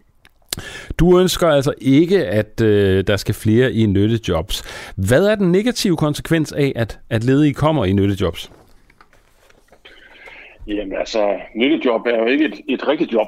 Det synes jeg bare lige, man skal huske på. Øh, og jeg har det jo sådan, jeg synes, man skal bruge de penge øh, på det, som vi ved virker for, øh, for den enkelte ledige. Øh, vi har, undskyld, vi har øh, nyttejob til en lille gruppe, øh, Øh, men det er ganske enkelt spild af, af penge at bruge øh, på de fleste. Okay. Altså, vi havde faktisk en øh, interviewet en, der havde været i nyttejob i går i her på Den Uafhængige i radioen. Og øh, hun havde øh, været i et nyttejob og havde havde været i tvivl om, hvad hun skulle vælge af uddannelse, og hvor hun skulle... Altså hun var lidt... Øh, arbejdet lidt med noget angst og sådan noget, og så, øh, så vidt jeg husker i hvert fald. Og øh, det at komme ud på arbejdsmarkedet for hende, hjalp hende til at, at tage en beslutning og ture øh, komme frem i livet. Øh, jeg er godt klar over, at statistikkerne siger, at der ikke er mange, der kommer i arbejde eller noget, men det var en solskinshistorie. Øh, kan der ikke være gode ting ved det her nyttejob? Jo, det kan der helt sikkert, og det er hun jo et, et glimrende eksempel på. Øh, vi har også øh, åbenlyst uddannelsesparate, som vi sender i nyttejob, og det gør vi jo, fordi de ikke har nogen andre problemer andet end, at, at de skal sådan set bare i gang med en uddannelse, og de skal, de skal ikke ind i kommunen, øh, om jeg så må sige, øh, så risikerer de jo aldrig at komme ud igen. Øh, og der siger vi, jamen der, der er det jo så noget for noget, og der, øh, der er det et nyttejob, og de fleste de søger jo så også videre og finder et fritidsjob selv. Øh, Øh, I forhold til de unge på kanten, altså som har øh, mistrivsel, angst, stress, depression, så har vi faktisk nogle meget bedre tilbud end et nyttejob. Øh, vi har et tilbud, som faktisk kommer rundt om hele personen. Vi kalder det, alle skal med. Det betyder, at rådgiveren de har lavet sagstal, at man arbejder med sundhed, folks sundhedsproblemer, psykiske problemer, tænker det ind i en beskæftigelse- og uddannelsessammenhæng. Og der kan jeg jo se, at i den indsats, der er der jo faktisk øh, halvdelen af de unge, der er med i den indsats, de, øh, de går stort set ud i uddannelse eller arbejde. Øh, og jeg kan jo bare se, at det er, det er simpelthen nogle effekter, som vi ikke oplever på nogen som helst andre indsatser. Så dem, der, der er på kanten, der er der nogle andre ting, der skal til Aha. end et nyttejob. Så kan det godt være, at man kan finde en enkelt, hvor det har været godt. Mm-hmm. Nu er det jo sådan, at der i Odense Kommune øh, går, det går ikke så godt med integrationen af mange ikke-vestlige indvandrere. Øhm, den typiske profil er en langtidsledig, er en kvinde fra bydelen Voldsmose. Øh, hvad tror du, der er bedst for de her langtidsledige indvandrere, som I har, har mange af, at sidde derhjemme og lave ingenting, eller at møde hver dag ind til et nyttejob? Jamen, jeg anerkender ikke helt præmissen, at man bare så får lov til at sidde derhjemme og lave ingenting, fordi det, er, det er selvfølgelig klart, det er bedre at være i aktivitet, end at bare sidde derhjemme. Det mm-hmm. siger sig selv. Men, øh, men pointen er øh, bare, at øh, de øh, personer, som du beskriver der, de kommer ikke øh, ud og bliver en del af arbejdsmarkedet. Der er ikke virksomheder, der kommer til at ansætte dem, fordi de øh, har været i et nyttejob. Mm. Øh, virksomhederne har jo ikke bare brug for arbejdskraft, de har også brug for kvalificeret arbejdskraft. Og mange af de her kvinder her, de har dårlige sprogproblemer, de har ikke været på en arbejdsplads før, øh, og, og så videre.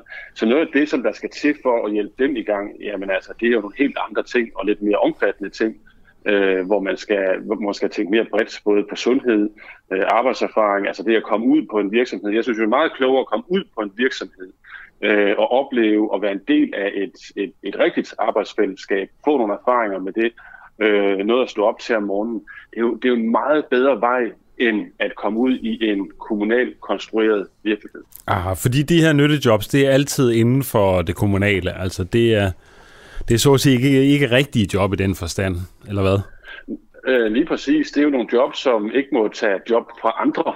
Øh, altså det må jo ikke fortrænge ordinært ansatte, for eksempel, der øh, kan man sige, gør grønne, vedligeholder grønne områder og andet. Så derfor så, øh, så skal man jo oprette noget, som øh, mange gange også bliver sådan lidt meningsløst. Øh, I hvert fald hvis man skal oprette øh, nyttejob i et omfang, som regeringen foreslår. Øh, så, så jeg synes jo, at det, det er meget, meget, meget klogere at øh, rent faktisk at hjælpe de enkelte mennesker med nogle af de problemer, de har, og også i et samarbejde med virksomhederne, hvor man kommer ud på rigtige arbejdspladser, frem for at det er en eller anden kommunal virksomhed, som vi, øh, eller øh, kommunal øh, virkelighed, som vi laver. Mm. Nu vil regeringen jo øh, forhandler jo i øjeblikket med Folketingspartier om at sende op mod de her 20.000 kontanthjælpsmodtagere, primært fra ikke-vestlige øh, lande, i nyttejobs. Øh, er det ikke en god idé? Nej, det synes jeg faktisk ikke, det er nogen god idé. Jeg kan jo se, at regeringen selv øh, anslår, at øh, omkring øh, 250 ud af de 20.000 øh, vil gå i job. Altså det er 1 procent. Jeg vil bare sige, hvis vi havde en indsats i Odense, der havde en effekt på 1 procent, så var den lukket prompte. Mm-hmm. Altså, det der, det, altså det, som vi jo står overfor med den gruppe, øh, regeringsudspil, ser jeg mere som et udlændingepolitisk udspil, end noget, der reelt trykker på beskæftigelsesområdet. Øh, det, det, som, det, som den her gruppe jo i høj grad har brug for, det er, det er kombination af, af dansk undervisning, det at komme ud på en arbejdsplads, det at øh, kan man sige, rent faktisk at få en arbejdsidentitet, det at øh, få noget opkvalificering til de job, der er. Altså, det er, jo, det er jo den vej, vi skal gå, og det, er jo, øh, det, det skal vi gøre i samarbejde med virksomhederne, fordi det er jo i sidste ende dem, der vil ansætte de her mennesker. Øh, så, så jeg tror, at det er simpelthen, øh, altså det, det, lyder, det lyder jo smart at sende folk i nyttejob, og så, øh, så, så får de noget erfaring og kommer ud på arbejdsmarkedet. Det er bare ikke virkeligheden. Det er ikke det, der sker. Der skal noget andet til. Prøv lige at forklare, hvis man kommer i sådan en nyttejob, hvad, hvad skal man så lave? Altså? Jamen altså, øh, her i Odense, der har vi omkring øh, 50 pladser i vores nyttejobordning, og det er jo øh, typisk sådan et citykorps, der render rundt og flytter cykler, som er ulovligt parkeret ved Banegårdscenteret og øh, samler cykler ind i gågaden, og, og det er jo også rigtig, rigtig fint. der har vi 50 pladser, og den faglige vurdering fra forvaltningssiden, det er, at jamen, det er et passende antal i forhold til, øh, til den indsats øh, og den effekt, som den indsats har.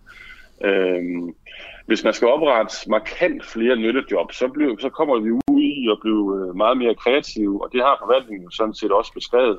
Det er jo sådan noget med at samle cigaretskøj, det er noget med at skræmme morer væk, øh, og den slags.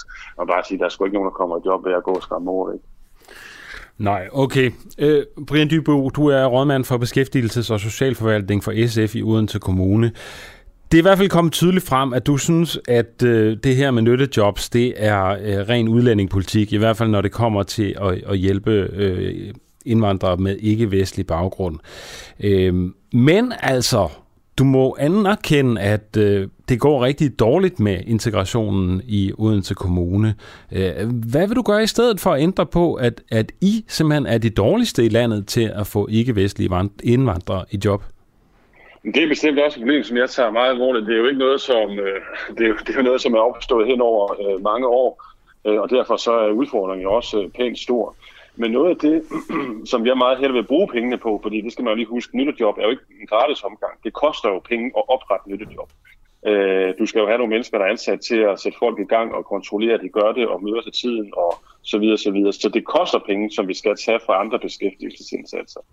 Jeg vil hellere bruge pengene på nogle effektive øh, indsatser, der, der hjælper dem, der har de største udfordringer. Og det har vi jo faktisk nogle erfaringer med, at øh, det, der, det, der lige præcis virker for dem, der er langt fra arbejdsmarkedet, det er, at vores rådgiver øh, har tid til at komme hele vejen rundt omkring den ledige, lære dem at kende, støtte dem i deres udvikling, og det handler også om at sætte ind med både sociale og sundhedsmæssige indsatser og nogle virksomhedsrettede tilbud. Vi har faktisk et projekt i Odense, der hedder Alle skal med. Det er for ledige, der er langt fra arbejdsmarkedet. Og her har rådgiveren lige præcis den her ekstra tid til at komme rundt om den ledige. Ikke? Lære dem at kende, mm. arbejde med deres sundhed øh, osv. Det får mennesker i job, også de ikke-vestlige. Hvad vil det sige at arbejde med, med, med, med deres sundhed? Jamen altså mange af dem, som faktisk er langt fra arbejdsmarkedet, det kunne jeg jo se, da jeg trådte til som rådmand for snart fire år siden, det er jo nogle af dem, som også har øh, den dårligste sundhed. Det kan være nogle fysiske øh, udfordringer, det kan være nogle øh, hvad hedder det, psykiske udfordringer. Øh, og jo længere tid man går i ledighed, øh, så, så bliver de bare ikke bedre, øh, de udfordringer. Så, så det er man jo også nødt til at, at arbejde med.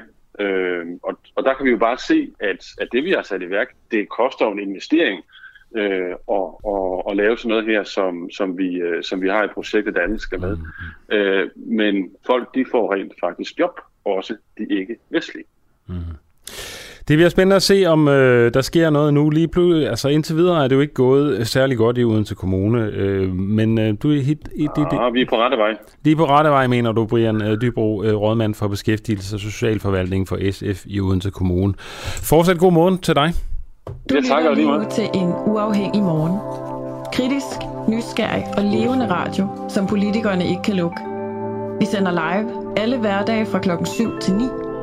Lyt med via vores app på DK4 DAB, fra vores Facebook-side, eller hvis du bor i hovedstadsområdet på FM-båndet 102,9. Tak til dig, som gør det muligt.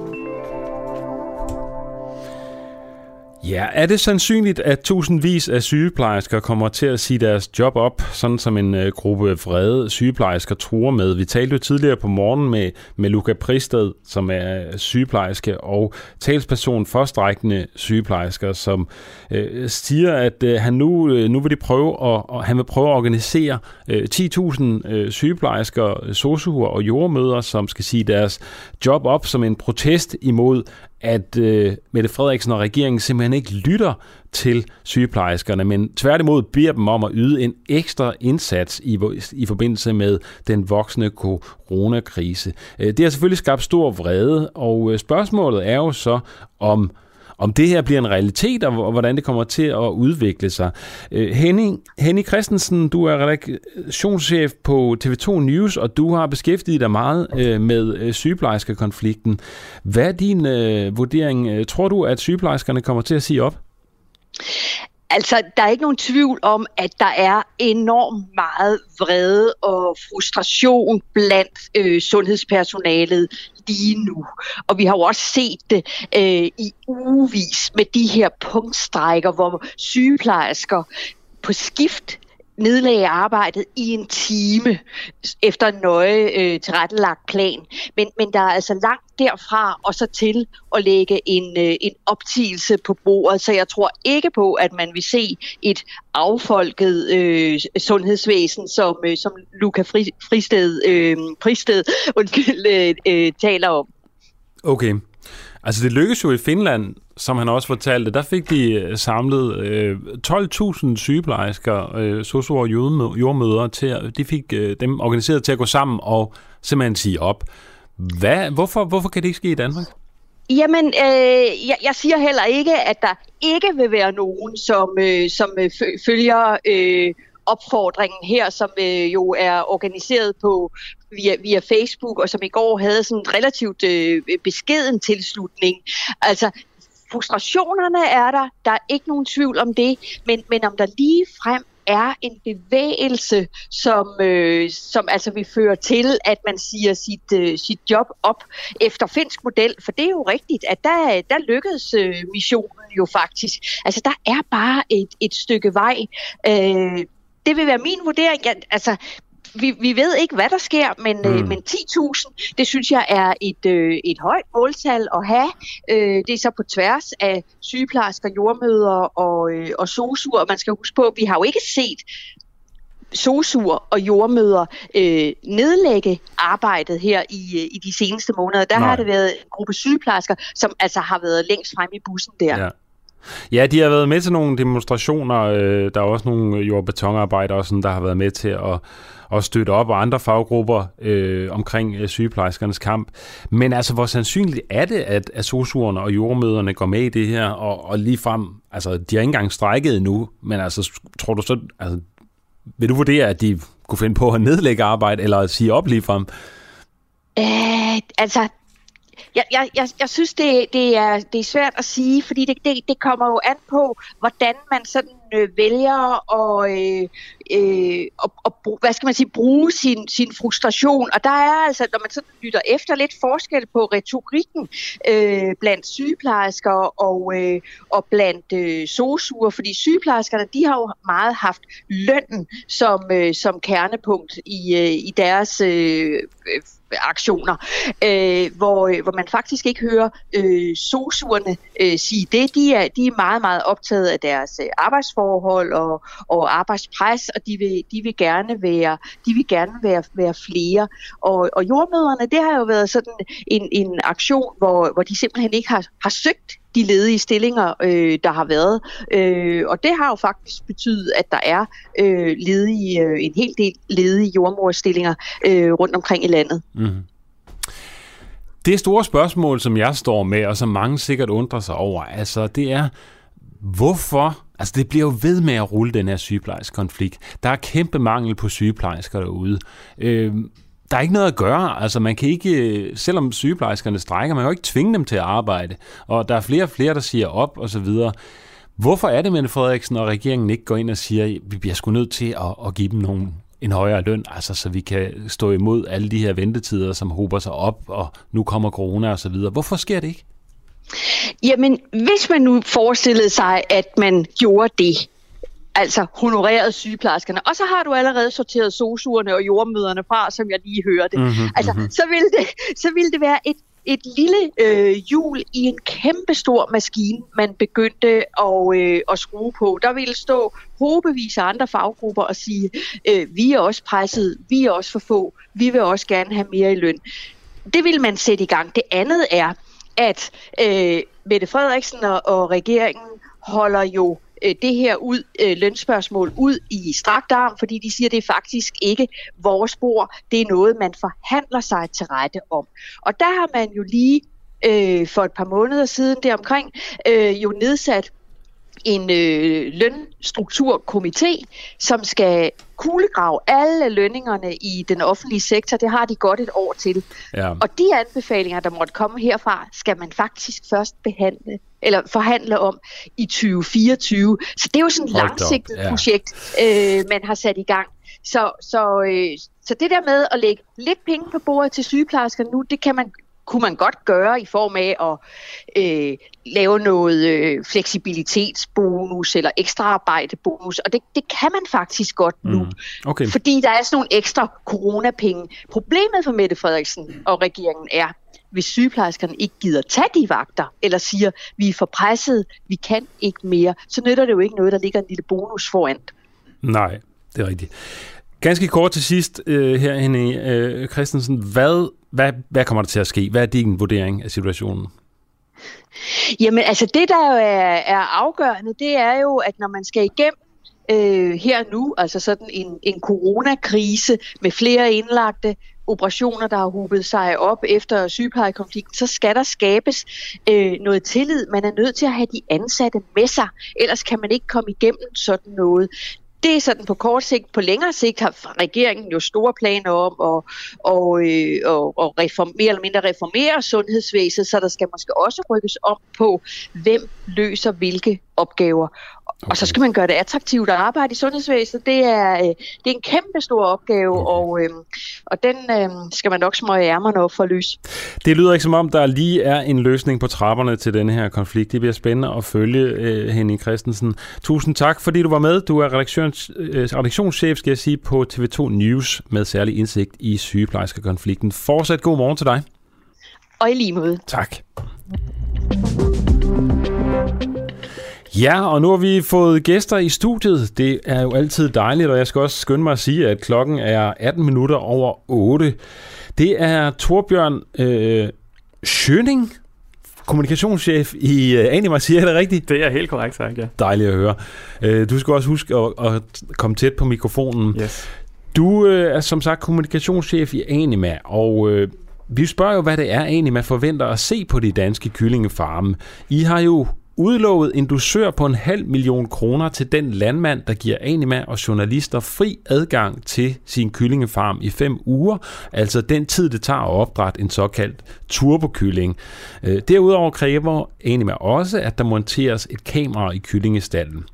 Ja tak, har svaret været for Landbrug og Fødevare, der i mandags øh, øh, sagde, at de vil sætte et kamera op, men altså de vil ikke gå med til at give fri adgang til at dokumentere forholdene. Og nu har de altså været ude med en pressemeddelelse også, hvor de øh, siger, at nu sætter det her kamera op, og så får de jo en halv million fra jer. Øh, og dem vil de donere til, til julemærkefonden. Øh, så alt er godt, eller hvad? Ah, alt er ikke godt, men, øh, men det er da et lille bitte skridt på vejen, vil jeg sige. Altså, jeg tænker, hvis du som, som kritisk journalist gerne vil lave en dokumentarudsendelse om, om kyllinger, og, og gerne vil vise det hele, så vil du næppe være tilfreds med, med to kameraer monteret en stald, så vil du gerne kunne komme tæt på dyrene og se de forhold, som, som vi ved, der er problematiske. Altså, det er jo sådan, at der er lavet studier igennem årvis, som viser, at kyllingerne har problemer med ikke at kunne gå normalt. De får hjerteproblemer, lungeproblemer, øh, de dør i stallene. Øh, de kan ikke gå normalt. Øhm, og det er jo de ting, som vi gerne vil vise, og der skal man jo kunne komme tæt på kyllingerne for at se det. Men det er jo også godt at kunne se et overbliksbillede fra, ja. fra et kamera, så jeg synes, det er et friskt initiativ fra, fra Landbrug og Fødevare, at de tør at vise en del af det. Og har I fået adgang til den der livestream-kamera? Nej, nu har de jo bare meldt ud, at, at øh, de vil komme med et setup i løbet af de kommende uger, og så, så må vi se præcis, hvordan det kommer til at se ud. Bliver det nogle grynede optagelser, eller, eller bliver det faktisk, så man kan se, at det er en stor hal, hvor der går øh, 30-40.000 kyllinger, som, øh, med 20 kyllinger på en kvadratmeter, og alle de ting, som måske de fleste forbrugere ikke tænker over, når de står nede i Coop eller Rema 1000 og, og køber en, øh, en turbokylling, uden at vide, hvad, hvad der egentlig ligger bag den historie.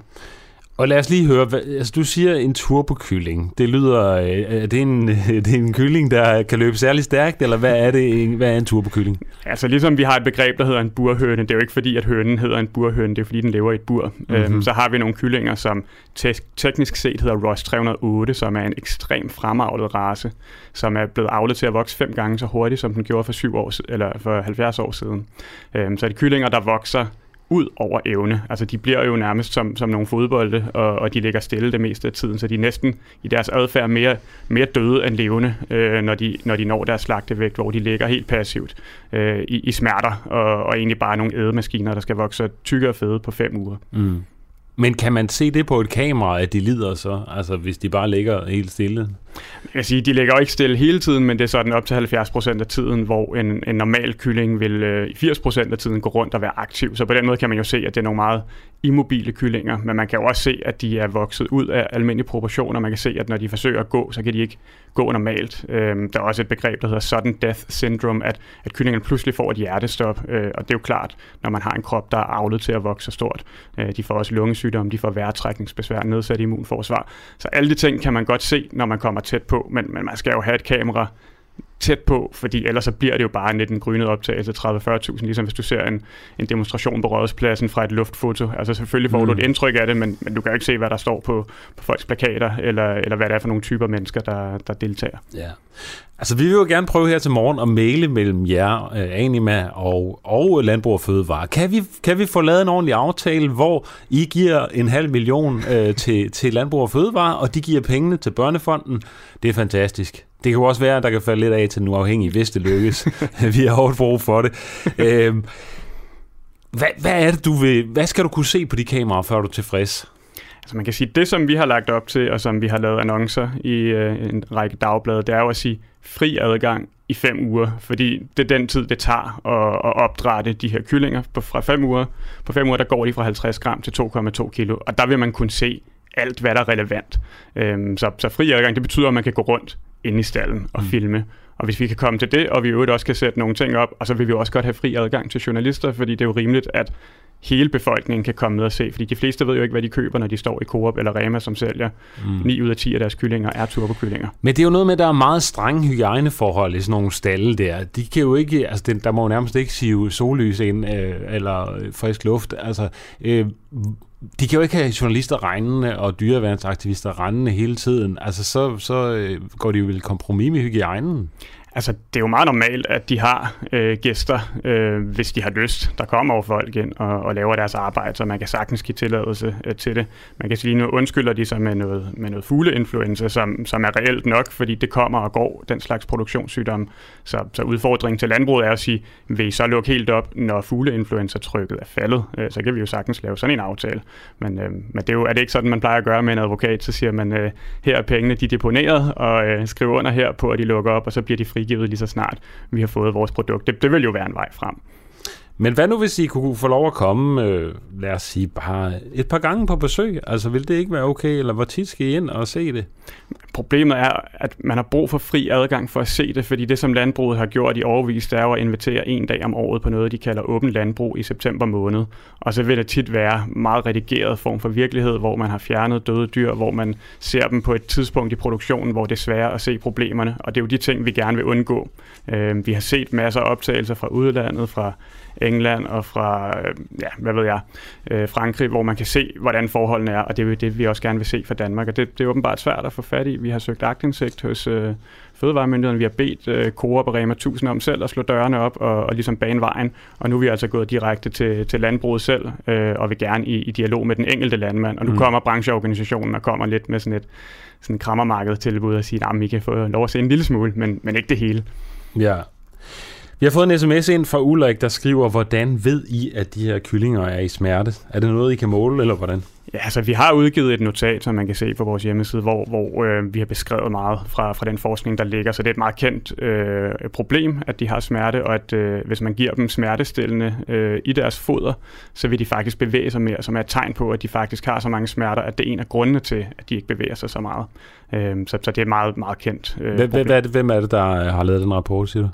Øhm, altså, Anima har selv samlet al forskningen. Øhm, så, så altså, der er Aarhus Universitet udgav en rapport i 2018, hvor man kan læse mange af de her ting omkring gangproblemer og, og dødelighed og den slags. Øhm, men men der, der er forskning fra hele verden omkring det, her. det er et meget, meget kendt problem, at hurtigvoksende kyllinger øh, lider ganske forfærdeligt. Mm. Ja, vi har også øh, dokumenteret her på radioen, at det simpelthen er umuligt for et, øh, en kylling nu til dags eller en høne at lægge et æg, uden at den knækker knoglerne. Øh, det, det lyder helt sindssygt, det, synes det, jeg personligt. Jamen, det er jo det. Altså, avlen er jo gået, gået helt amok altså, de sidste mange årtier, og jeg tror, sådan samfundet som, som hele har sovet i timen og lavet det ske. Og nu er vi kommet til et punkt, hvor flere og flere forbrugere faktisk gerne vil have bedre dyrevelfærd, mm. og det er jo det, der, der er formålet med vores kampagne først og fremmest. Okay. Vi, vi skal til at videre og tale med, øh, med formanden for Landbrug og Fødevare lige om et øjeblik. Øh, hvad, hvad, hvad, hvad, du, hvad, hvad er det bedste tilbud, du kan give ham? Du, han siger, at du kan få et kamera. Kan vi, kan vi lave en eller anden uh, handel, hvor vi siger, at, altså hvad, kan, kan vi ikke gå på kompromis på en eller anden måde, så vi kan få altså. Vi vil jo rigtig gerne se øh, de optagelser, for jeg synes faktisk, det har en, en vis værdi, og man kan sige, tit bliver det jo sådan noget med, at organisationen de skyder lidt på hinanden og siger, at den ene er dum, og den anden er dum, og, og jeg vil da gerne rose Landbrug Fødevare for at vil vise en del af det. Øh, så, så jeg vil rigtig gerne se kvaliteten af det, de kommer op med, og så, så synes jeg da sagtens, at vi kan give en del af dusøren, men man er også lige nødt til at se produktet, så man ikke bare får øh, katten i sækken, så okay. at sige. Hvor meget skal de have for, at hvis det er sætte kameraet op, synes du? det kommer an på, hvor gode optagelserne er, men, men jeg vil gerne sige, at til alle landmænd, der lytter med, så vil vi jo stadig gerne give den hele halve million til den, som vil give os det på de betingelser, som vi mener er de rigtige, for at man kan få et fuldt indblik. Og det er altså, at man kan fri adgang for journalister, øh, i fem uger. Fem uger fri adgang, det er meget simpelt, og man kan sagtens lave aftalen efter fugleinfluencer, så den, den undskyldning er bare en undskyldning for nu, det er jo ikke, det er jo ikke reelt. Alright. Uh, tak fordi du kom i studiet, uh, Torbjørn uh, Schøning kommunikationschef i Anema. Nu tager vi øh, dine spørgsmål og problematikken videre til, til Martin Jord Jensen, øh, formand for Landbrug og Fødevare Fjerkræ. Øh, godmorgen til dig. Godmorgen. Har øh, kyllingefarmene noget at skjule? Altså, det spørger vi jo om, fordi at, øh, nu har vi jo lige hørt her fra, øh, fra Anima, at, øh, at de gerne vil give en halv million.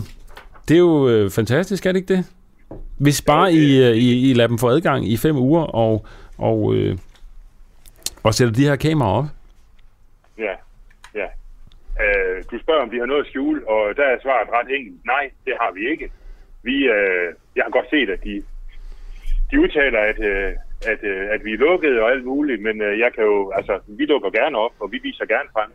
Men øh, der er nogle forhold, som øh, vi skal tage os jagt for, fordi at øh, dyrene og sundheden og sikkerheden frem for alt, det øh, står over alt for os. Ja, og, og hvad er det så det problematiske i, at, øh, at de kommer fem gange, Jamen, altså, eller i fem uger og kigger? Jamen altså det problematiske, hvis, hvis vi skal lave det til, til, noget, til noget problematisk, så er det jo, at... Øh, det behøver sikkert være problematisk, men jeg går ud fra, at I ikke Nå, vil... Nej, vil nej, øh... nej, nej, men jeg tror, det er vigtigt at forstå, at, øh, at, at den, den fødevaresikkerhed, vi har i Danmark, den er faktisk ret unik. Vi øh, har et, øh, nogle meget strenge krav i forhold til sygdomme, mm. salmonella mm. og andre ting, og, og, og, og dem bliver vi nødt til at tage, tage os i agt for. Og, og, og, og det der det der stuntmæssige med, at man skal rende øh, ind og ud, det er åbenbart det, som, øh, som Anima de, øh, de øh, forsøger at gøre det til. Og der er bare nødt til at sige, at det her det er mit arbejde som landmand, min kollegaers arbejde. Og, og, og vi tager det faktisk ret alvorligt, hvordan vi tilgår vores dyr på. Og derfor bliver det her aldrig nogensinde et mediestunt. Og man kan ikke bare vade ind og ud, hvis man kan bruge det udtryk, af en stald. Det gør vi ikke til daglig. Og det gør vi i respekt for den fødevaresikkerhed og i forhold til dyrenes velfærd. Mm. Og det synes jeg faktisk er ret vigtigt. Ja, spørgsmål om det er bare et mediestund. Altså, I har jo været ude med en pressemeddelelse, hvor I meddeler, at uh, I vi har sat de her to kameraer op, eller vil gøre det, og at I vil donere de 500.000 til julemærkefonden. Uh, mm. Er det ikke et mediestund? Altså, hvis det her er et spørgsmål om, hvad der er mediestund, det ved jeg ikke. Altså, det, er det var da selv arbejde på banen jo, altså. Jo, jo, jo, jo, men det er, ja, det er korrekt. Men det er egentlig med, der, der, der laver den der, øh, den der, det der sheriff-opslag, og nok western-opslag, hvor de vil lave en, øh, en uh, dusør. Og den byder vi ind på og siger, jamen altså, hvis egentlig med, de har nogle penge, som de vil uh, sætte i spil her, så vil vi rigtig gerne uh, bringe dem videre til nogle, uh, til nogle mennesker, hvor de kan gøre en god gavn. Og derfor har vi sagt, jamen, uh, vi donerer den, uh, den, uh, den dusør videre til julemærkefonden, og så kan det gøre en god gavn der for nogle mennesker, som, øh, som kan have brug for det. Og det synes jeg øh, virkelig er en, en fantastisk idé, og derfor vil vi jo gerne have på nogle afhængige male med jer. Altså kan vi ikke få en løsning, øh, hvor, hvor, hvor I giver øh, de her øh, folk fra Anima adgang og journalister i fem uger, øh, vi sætter kameraerne op, så får vi det undersøgt til bunds en gang for alle. Kan I bevise, at der intet er galt på de danske kyllingefarme. Alt er godt, dyrevelfærden er høj, og plus vi får 500.000 kroner, som vi kan sende til julemærkefonden. Alt er godt. I får endelig øh, rygterne om, at det går dårligt med kyllingerne væk. Er det ikke løsningen? Prøv at høre, løsningen for mig, det er, at øh, nu øh, går vi i gang med det arbejde med at finde et øh, sted, hvor det passer med den rotation, som vi kalder det til det, hold kyllinger, der starter op. Hvor der får vi installeret, finde ud af, hvordan teknikken skal være, og få installeret nogle kameraer, sat nogle kameraer op, og så er tanken jo, som vi også skriver, at vi vil lave nogle sessions i løbet af, af, af produktionsperioden, hvor vi vil invitere journalister ind, som kan gå ind og få den oplevelse, som jeg og mine kollegaer som landmænd har, når vi går ind til dyrene. Og jeg tænker faktisk, at det er et øh, fint øh, udgangspunkt at tage for det videre. Så øh, åbenhed, det er, er ikke et fremmed ord for mig øh, og for mine kollegaer. Og øh, så vores udgangspunkt er åbenhed.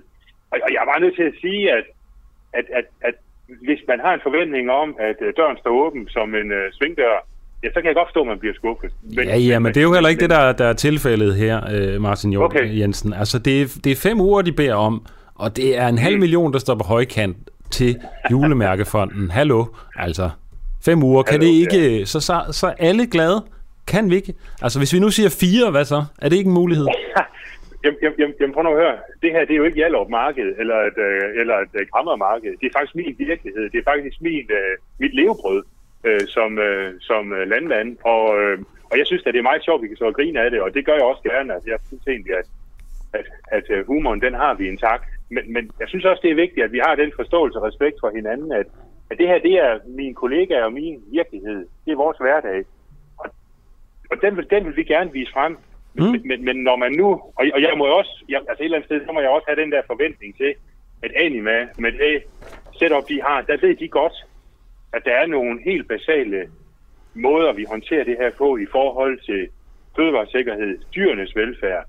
Og det har jeg faktisk en ret klar forventning om, at når vi så lige kommer ned på jorden og, og, og, og, får, og får luft ind, så, så, så er det nogle helt gængse ting, som ikke er nyt. Så, så for mig der er det her ikke et krammermarked. Og det bliver det aldrig. Nej, nej, jeg, jeg, jeg, jeg, jeg prøver jo bare men, at, men, at løse situationen for alle. Altså, og så er jeg jo interesseret i at vide, Martin Hjort Jensen, formand for Landbrug og Fødevare, øh, Fjerkræ. Altså, man hører jo virkelig meget, og der er rapporter om, at de her kyllinger har det af helvede til, for at sige det rent ud. Særligt de her turbokyllinger. Øh, der er også, øh, vi havde herinde på radioen en landmand, der fortalte om, at man simpelthen ikke kan få høns til at lægge æg, øh, uden at de brækker knoglerne og sådan noget. Er der ikke ting at sær øh, galt med, med øh, produktionen? Altså, har de, er der ikke forhold, der er skidte? Har de, har de har det alt, alt godt med en turbokylling, kunne jeg også spørge dig, altså? Jamen, altså, det er jo et fantastisk ord, turbokylling. Det, det, er der, det er der så nogen, der har, der har valgt at opfinde det til. Jeg vil bare sige, den virkelighed, og jeg, jeg går faktisk ind til de her kyllinger hver dag. Altså, jeg passer dem hver dag sammen med mine medarbejdere. Det samme gør mine kollegaer. Ved ja. hvad? De har det. De, de lider ikke. Hvad så med al den forskning, der ligger omkring, at de har øh, problemer med vejrtrækning og alt det? Hvad har du at sige til det? Jamen, jeg er bare nødt til at sige, at jeg kan, jeg kan simpelthen ikke genkende det for den virkelighed, jeg ser derude. Altså, det mm. kan jeg ikke. Og, og, og, og jeg synes også, det er lidt vigtigt at huske på, det, mest, det helt fantastiske ved dyr, det er, at hvis de ikke har det godt, så vokser de ikke, så trives de ikke, så spiser de ikke, så drikker de ikke. Og det er bare sådan, det er sådan, det er ret basalt, og det er uanset om vi snakker om... Ja, altså de, de dør ikke sådan af altså, sig selv. Øh, jo, jo.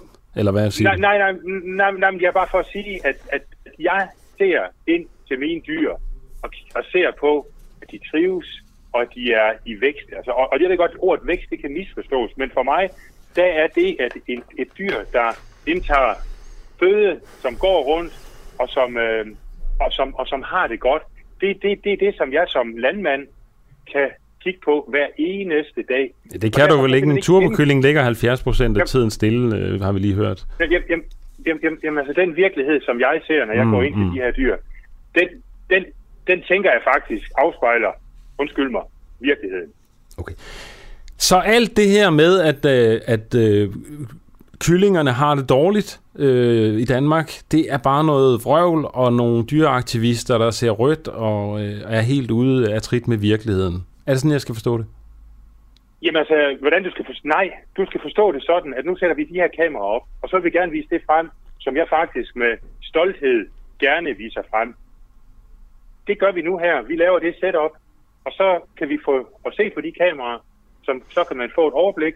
Så laver vi de sessions i løbet af produktionsperioden, hvor vi vil invitere dem, der er interesserede, journalister ind og kigge, og så kan vi få, så, så, så kan, kan de få den samme oplevelse, som jeg og mine kollegaer har hver dag. Så jeg synes faktisk, hvis jeg sådan åbenbart selv skal sige det, så synes jeg faktisk, at vi har en meget høj grad af åbenhed. Okay. Så du mener ikke, der er noget som helst at komme efter? Kyllingerne overalt i Danmark har det super godt, de lever gode liv, og der er ikke noget, og, og, og du gerne vil, vil gemme væk? Altså, jeg er meget optaget af det der dødkedelige Kan du ikke bare svare ja eller nej på det? Jo, det er jeg rigtig stolt af, det vi laver. Okay, der, der er ikke nogen problemer overhovedet? Nej. Og heller ikke med det her med, at øh, hønsene ikke kan, kan føde øh, uden at knække knoglerne. Det er heller ikke noget problem. Uh, nu, nu gik vi lige over i en helt anden, men, men til det vil jeg bare sige, at det er jo så en, problem, en, øh, en problemstilling, som berører alle høns, uanset om det er fritgående, økologisk. Ja, det er rigtigt. Det er og. Det, og, og, det er en, og, og det er en problemstilling, som der faktisk er sat et ret øh, ret omfangsrigt arbejde i gang omkring. Ja, det er klart. Så, så, så, øh, det, det, det er jo måske lidt af sidespor. Men altså, Nej. sidste spørgsmål her. Vi vil jo gerne male mellem Anima og jer. altså, du ja. vil gerne have åbenhed. Kan vi ikke sige, at de kan få lov at komme bare tre uger så? Jamen nej, nu laver vi det her setup, hvor vi sætter de kameraer op, og okay, så laver vi, så må vi se. hvor vi inviterer så må vi se, ja, hvad der sker. Øh, og de sagde jo også, at det kan være, der falder nogle penge af. Altså, hvis det er gode optagelser på videokameraen der, så kan I måske få en 100.000 til, til julemærkefonden på øh, på, fra NMA. Det må vi jo det må I prøve at holde dem op på, ellers så øh, kan det være, at vi vil gøre det. Øh, Martin Hjort Henriksen, formand for Landbrug og Fødevare Fjerkræ, øh, som altså ikke vil være med til at, øh, at give fri adgang til journalister og NMA i fem uger, til trods for, at øh, der er en halv million på højkant. Øh, du må have en god morgen. Tak fordi du var med. Tak, i lige måde til dig. Hej. Hej. Du lytter lige nu til en uafhængig morgen. Kritisk, nysgerrig og levende radio, som politikerne ikke kan lukke. Vi sender live alle hverdage fra klokken 7 til 9. Lyt med via vores app på DK4 DAB, fra vores Facebook-side, eller hvis du bor i hovedstadsområdet på FM-båndet 102,9. Tak til dig, som gør det muligt. Ja, hvordan gik det forhandlingerne med forhandlingerne i epidemiudvalget i går aftes? Vi talte jo med øh, Liselotte Blix i går, som sidder i epidemiudvalget for Dansk Folkeparti. Hun lovede jo at være med igen i dag for at fortælle om, hvordan de forhandlinger, som fandt sted i går, de gik. Øh, hun er lige på trapperne og øh, kommer ind her i studiet på en telefon lige om et øjeblik. Øh, ja, hun kommer nu. Hun kommer nu. Det er godt at høre. Tak for det, Oliver. Godmorgen, Liselotte Blix. Godmorgen. Tak fordi du vil være med igen i dag. Hvad nåede I frem til i uh, epidemiudvalget i går? Jamen, øh, vi nåede jo frem til, at der var flertal for at øh, opjustere til en samfundskritisk øh, sygdom. Og det havde vi en øh, rigtig lang diskussion omkring øh, frem og tilbage. Altså, det var jo ikke noget, vi ønskede øh, og slet ikke fire måneder, som øh, regeringen lagde op til. Vi mener jo ikke, at den er samfundskritisk i forhold til, at der er mange andre parametre, der spiller ind. Men øh, i og med, at vi kunne være med til at få et flertal til at sige, at det kun skulle gælde en måned, så gik vi også med til det.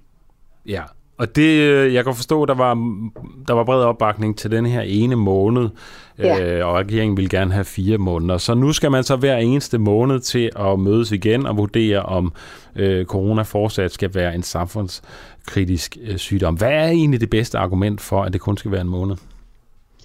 Det er, at vi øh, løbende øh, ser, øh, er det her noget, der, der hjælper, eller er det noget, man skal skrinlægge igen?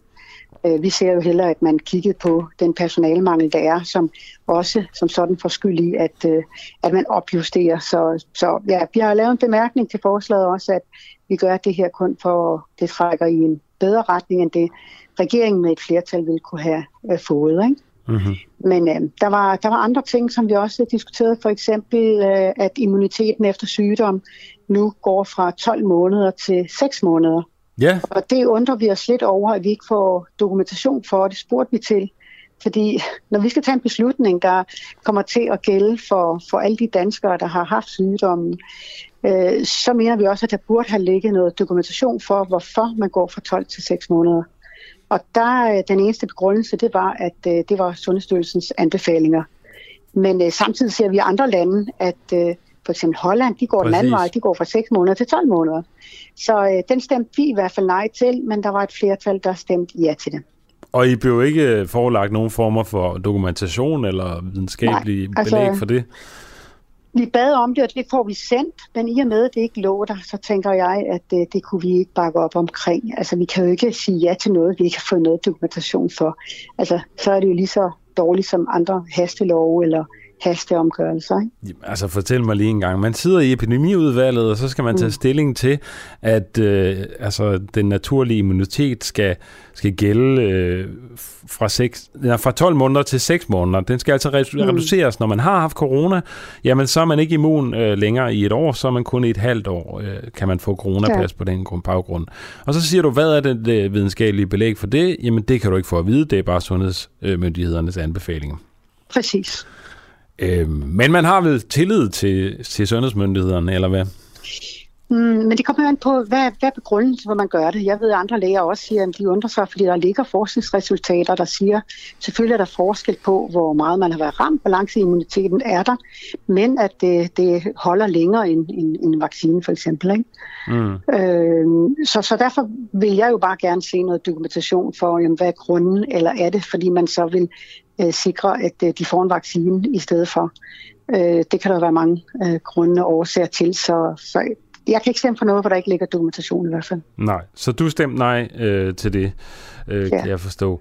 Øh, ja, vi snakkede jo med en epidemiolog, eller virolog i går, som fortalte, at øh, nye øh, undersøgelser viser, at øh, ja, vaccinen den også sådan når ned på 70% effektivitet efter et halvt år. Altså der også er øh, et fald i øh, immuniteten der.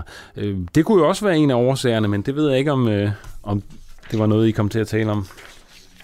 Nej, det talte vi ikke så meget om, fordi Nej. jeg spurgte netop om øh, det her med, at der var nogen, der efterhånden var gået 5-6 måneder efter vaccinen. Øh, så hvordan coronapasset skulle hjælpe, hvis man mistede sin immunitet. Og faktisk ser vi jo vaccineret, der smitter også. Men øh, det er blevet strøget helt til jorden og sagt, jamen øh, selvfølgelig har man en immunitet, og det varede også længere de seks måneder. Og vi havde mange, der har gået nu i seks måneder. Øh, og det kunne man se på de kurver, der var. Ikke? Men mm. man kan jo sige, vi kan jo se på de ældre, øh, at når de får deres tredje stik, at øh, så knækker de kurven med ikke at blive så syge. Men, men de har også et, øh, hvad kan man sige, et øh, dårligere immunsystem. Altså jo ældre man bliver, jo mere svækket er man. Ikke? Det er klart. Nu skal I vel øh, til at mødes lidt øh, oftere så i øh, epidemiudvalget. Er der allerede planer om, øh, hvornår I skal mødes igen? Altså vi skulle være mødt i dag, øh, fordi der var en, en sag fra social- og ældreministeren, men den øh, fik vi så taget i går samtidig med de andre. Fordi der, de forskellige ministre har jo, hvornår der skal bruges coronapas, for eksempel når du går på plejecenter eller andre steder. Øh, så derfor er det op til hver enkelt minister at komme og præsentere deres forslag. Ja, det skal så, vel helt øh, specificeres ud til, til alle steder nærmest, ikke? som man kender ja. det.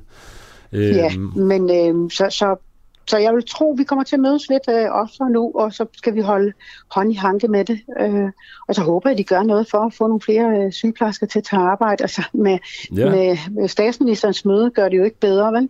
Nej. Øh, jeg så, ved ikke, om du hørte synes, radio her til morgen, øh, den uafhængige tidligere. Altså nu øh, kan vi øh, dokumentere, at... Øh, at sygeplejerskernes talperson for strækkende sygeplejersker siger, at øh, de vil sige op.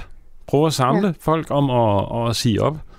Øh, ja, men jeg, jeg kan godt forstå deres modstand. Altså, jeg synes jo, det er skrækkeligt for vores sundhedsvæsen. Mm. Men, men at gå på arbejde med ondt i maven og følelsen af, at man ikke bliver øh, værdsat for det, man laver, ja. øh, og kun for at vide, at øh, jamen, du skal sgu arbejde noget mere, ikke? Øh, det, er din, det, det er der, der skal have ansvaret for, at vi kommer igennem krisen. Så du, øh, Så for... du er villig til at finde nogle flere penge til, til sygeplejerskerne? Jamen, det har vi jo sagt igennem hele ja. forløbet, okay. øh, også tidligere. Lad os holde øh, fokus på, på corona her, øh, så vi ikke ja. går helt over i en anden øh, ja, ja. øh, sag. Øh, ja. Fra på fredag skal man vise coronapas, øh, når man skal på natklubber, når man skal på restauranter. Hvor ellers skal man vise det? Jamen, øh, man skal også vise det i kirker. Aha. Og der har jeg også stemt nej. Altså der stemte vi også nej, fordi det er jo, kirker er jo store og rummelige, og det er jo ikke det, at du sidder og drikker alkohol og far hinanden om halsen, kan oh, man man sige. får det lidt, øh, hvis man går op øh, til nadver, ikke? Ja, men, men nok det... ikke nok til, Nej, at du bliver beruset og sådan noget. Øh, så, så der synes vi, altså for mange af de ældre, der kommer der, eller andre, og gør det så besværligt, og hvem skal øh, holde øje med det og så videre, der, der, der synes vi altså ikke, at øh, det bør gælde. Så øh, det har vi sagt nej til. Vi kan godt forstå det, hvor der er partybusser, mange mennesker, som også sagt, der hvor der er julefrokoster, flere firmaer imellem og så videre. Mm. Så øh, partybusser, øh, natklubber, kirker, ja. restauranter. Ja. Hvor ellers?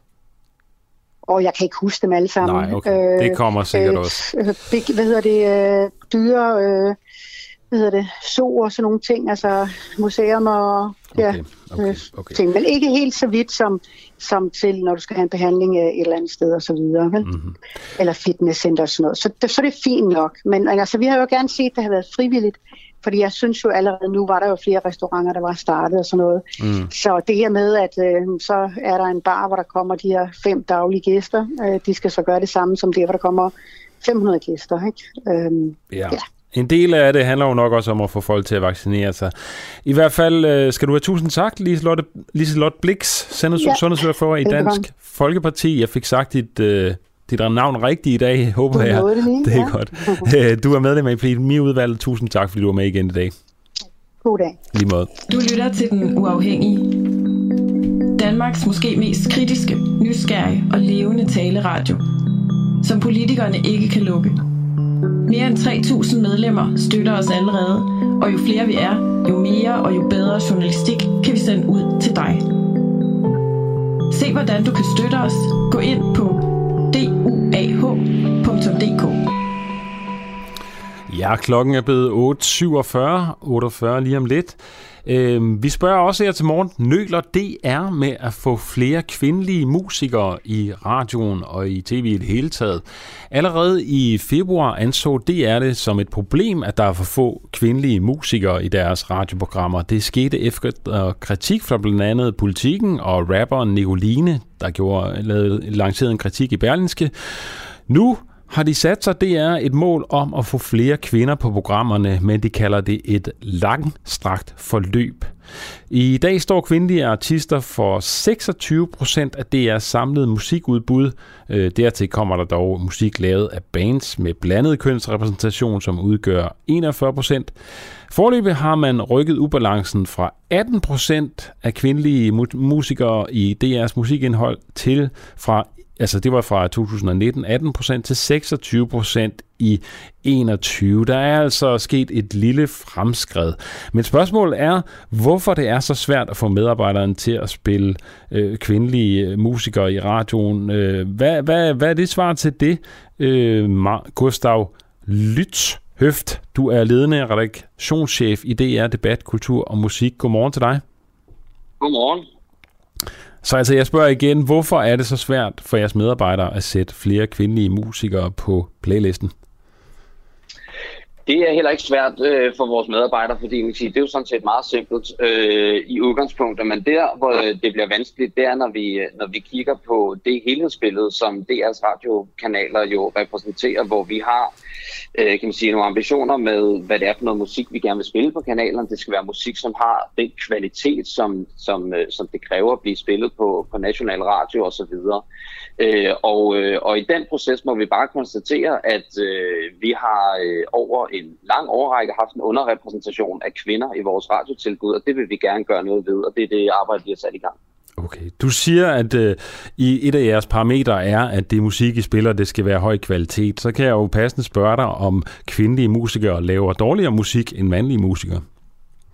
Nej, det gør de jo netop ikke, og i virkeligheden er det jo hele, øh, kan man sige, hele ideen med det her projekt, det er netop at sige, jamen når vi kan se, at der er en underrepræsentation, en underrepræsentation af kvinder i kan man sige, tilbud på, øh, på DR's radiokanaler, men også i musiklivet i Danmark i det hele taget, jamen så må vi jo formode, at vi går glip af, af god kvalitetsmusik. Så, og det er derfor, vi har sagt, at vi ønsker at, at rykke ved den her øh, ubalance øh, på DR's kanaler, men vi ønsker også at bidrage til, at musiklivet i det hele taget i fællesskab tager det ryg, der gør, at vi får mm-hmm. plads til flere kvinder i, øh, i den danske musik. For du har fuldstændig ret.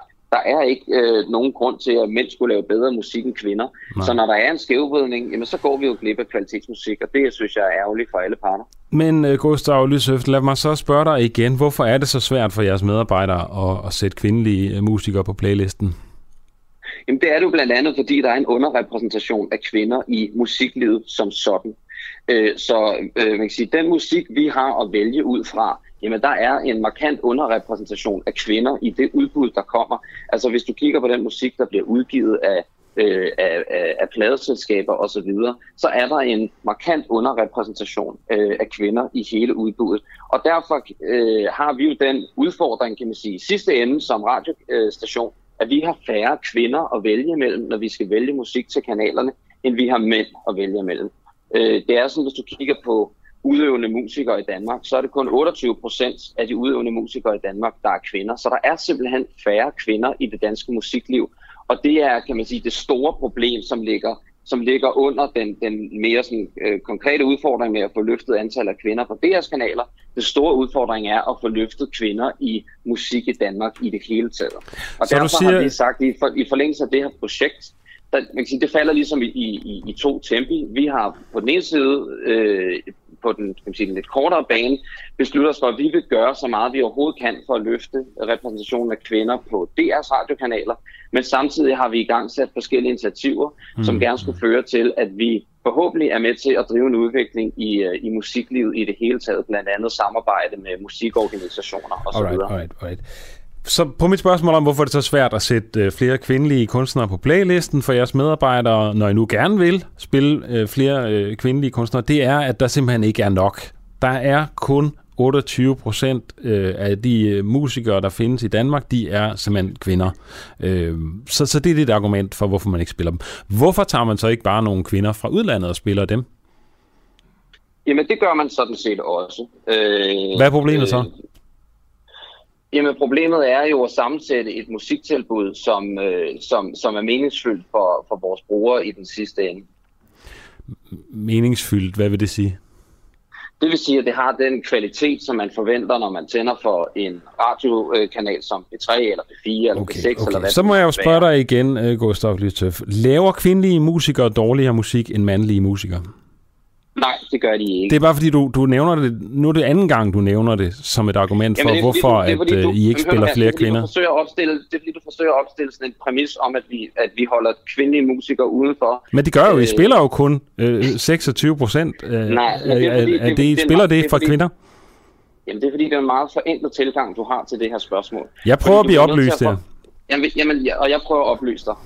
Og det, der sker, det er, når vi vælger at spille en kunstner på en radiostation, så kan vi vælge at spille en kunstner en gang, eller vi kan vælge at spille en kunstner rigtig mange gange. Og det er jo en anden parameter. Når vi så kigger på mangfoldighed på vores radiotilbud, så er det jo ikke alene kønsbalance, vi kigger på. Vi kigger også på mangfoldighed i forhold til, at vi ikke spiller de samme kunstnere for mange gange, at vi får et bredt udsnit. Så ja, du har fuldstændig ret. Vi kunne godt tage de kvinder, der var, og spille dem en hel masse gange. Det har jeg ikke, så det har jeg ikke sagt. Så ud over mangfoldigheden på en anden måde. Okay. I har jo blandt andet fået kritik for, at I spiller Jarda og Drew Sigamore igen og igen og igen på B3. Uh, Drew Sigamore er endda blevet lige, uh, tror jeg, i går blevet, uh, blevet jeres uh, yndlingskunstner, eller har fået en eller anden pris. Jeg har ikke hørt, ja, hun, har vundet, hun har vundet P3-prisen. Hun har vundet P3-guldprisen, ja, og I har også spillet uh, hende tilstrækkeligt mange gange, så det er der måske en grund til. Ikke et ondt ord om hende, men indtil videre har, har jeg hørt fra dig, at argumentet for, at I ikke spiller flere kvinder, I spiller 26 procent af jeres, de kvinde, musikere, I spiller, de er øh, kvinder, og I spiller kun øh, 26 procent af jeres mus, musik, I spiller, den er, består kun af kvindelige kunstnere, fordi der kun er 28 procent danske udøvende musikere, og at I gerne vil sikre mangfoldighed, øh, og ikke vil spille det samme nummer igen og igen. Så spørger jeg, hvorfor sætter I ikke bare, altså der er jo masser af mangfoldighed øh, i kvindelige øh, musikere, hvorfor sætter I ikke nogle udenlandske øh, kvindelige musikere på? Ja, og så prøver jeg igen at, at, at forklare dig, det er fordi, når du kigger på mangfoldighed, så bliver man nødt til at hæve blikket lidt fra den diskussion, vi har lige nu, som handler om kvinder i musik, og konstatere, at der er også andre mangfoldighedsambitioner, øh, og der er sådan set også andre mangfoldighedskrav. For eksempel har vi også jo fastsagt, øh, eller fastlagte retningslinjer for, hvor stor en dansk procent vi skal spille. Så vi er jo også betinget af public service hvor, hvor, hvor stor skal den procent delt være af Jamen, dansk? Men det er, lidt, det er lidt forskelligt fra kanal til kanal. Øh, så der er, man kan sige, på den måde er der, er der jo mange parametre, der går ind i et mangfoldigt spørgsmål. Det er ikke alene et spørgsmål om at spille øh, kvindelige musikere, det er også et spørgsmål om at spille øh, dansk musik. Det er også et spørgsmål om at have en stor nok rotation i antallet af kunstnere, så vi ikke hører de samme kunstnere hele tiden. Og de, de, hvad kan man sige, alle de faktorer... Hvad er der ellers af mangfoldighedskrav? Lad mig lige gøre det færdigt, fordi jeg tror faktisk, det er svar på de spørgsmål. Okay. For alle de faktorer lagt oven på hinanden, at det, der resulterer i, kan man sige, den øh, den udfordring, vi har i, hvordan vi skal sammensætte det her tilbud. Så når du spørger, om man ikke bare kunne sætte nogle flere kvindelige kunstnere på, så prøver jeg at, at anskueliggøre, at det er ikke så simpelt. Fordi okay. der er mange faktorer, der spiller okay. ind. Lad mig høre nogle af de mang- mangfoldighedskrav, der er. Du siger, at det skal være dansk, og man skal ikke spille det samme hele tiden. Hvad er det ellers for nogle mangfoldighedskrav? Jamen, det er, øh, det er jo også, at vi, at vi får kan man sige, et musiktilbud på den enkelte kanal, som er varieret, sådan, så, så vi kommer inden for den kanals profil lidt rundt på, hvad, hvad skal man kalde det, det musikalske landkort, mm-hmm. øh, og sikrer der også en, mm-hmm. en mangfoldighed i lyden på kanalerne. Okay. Det kan kvinder vel også bidrage til, tænker jeg. Er der andre mangfoldighedskrav? Det er der sikkert. Jeg kan ikke lige komme på nogen lige nu. Okay. Jeg synes ikke, altså, Øh, Gustav Lytz, øh, jeg er ked af det, men jeg synes virkelig ikke, jeg har hørt et godt argument for, hvorfor I ikke spiller flere kvinder. Du siger, at I har nogle mangfoldighedskrav, der gør, at I ikke kan spille flere kvinder, øh, og et af dem er, at det skal være dansk, og at der kun er 28% danske udøvende øh, kunstnere øh, på, på musikfronten. I skal spille varieret, det kan I vel også gøre med udlandske kvindelige kunstnere. Øh, I kan både spille sorte øh, kvindelige kunstnere, I kan spille øh, hiphop, I kan spille hvad som helst. Der er tusindvis af genrer, hvor kvindelige kunstnere er, er repræsenteret. Et andet krav er, at I ikke må spille det samme og i samme igen. Det har I gjort med Jada og Juice Sigamore, som I har fået Men, kritik for. Som det, som der er, er ingen grund til her, hvorfor I ikke kan sætte flere kvinder på. Men så bliver jeg simpelthen argument. spørge dig, hvor, hvor, hvor har du den information fra, at vi spiller de samme kunstnere igen og igen? Det havde politikken en, øh, en øh, artikel om. Jamen, jamen har du undersøgt den påstand? Fordi jeg sidder og kigger ned i et datasæt, som siger det stik modsatte. Når jeg sidder og kigger på, øh, hvor mange unikke kunstnere vi spiller på kanalerne, så er det et tal i fremgang. Okay, så, lad mig, lad mig så spørge dig igen, hvor har du den påstand? Den har jeg fra politikken. Øh, det kan jeg ikke nå at finde frem nu. Men jeg, jeg savner bare et argument for, hvorfor I ikke spiller flere kvindelige musikere. Jeg har ikke fået svaret fra dig endnu. Jamen, vi spiller flere kvindelige musikere. Det er jo det, som hele den Ja, her, I har spillet fra 18 indsats. til 26 procent, men hvorfor spiller I ikke flere? I vil jo gerne. I har fået kritik for det. Du, hvis du kigger på P3, så spillede vi i 2019 29 procent kvinder og blandede bands, altså bands, hvor der indgår både mænd og kvinder. I 2021 spiller vi 43 procent blandede bands og kvinder. Ja, det er kun på P3, ret, ikke? Ja. Jo, men, men jeg prøver at anskueliggøre for dig, at der er en ret markant vækst øh, øh, på vores kanaler. Er vi i mål? Nej, det er vi ikke, og vi kommer til at arbejde videre med det her. Øh, vi har aldrig, kan man sige, sagt, at vi var i mål med den her indsats, men vi har sagt, at vi har fokus på den, og vi begynder at løfte andelen af kvinder i, uh, i musikken nu, og det er så det arbejde, der er gået i gang. Det er godt at høre, øh, Gustav Lyshøf. Du er ledende redaktionschef i DR Debat, Kultur og Musik. Øh, jeg håber, I vil spille nogle flere kvinder. De er gode, og jeg har ikke hørt argumentet for ikke at gøre det endnu. Det er godt. Held og lykke med det. Du må have en fortsat god morgen. Tak skal du have. Lige måde. Selv tak. Ja, vi skal til at slutte af nu for en uh, uafhængig morgen. Uh, mit navn er Adam Dreves, og uh, i studiet derude var, uh, eller i regien var Oliver Nobbenau og uh, Clara Vind. Vi er tilbage igen i morgen. Uh, gå ind og støt os på uh, duah.dk eller send en sms afsted til 1245, hvor du skriver AMB, så kan du selv få lov at bestemme den første måned, hvad du vil give der, og du får en gratis kop.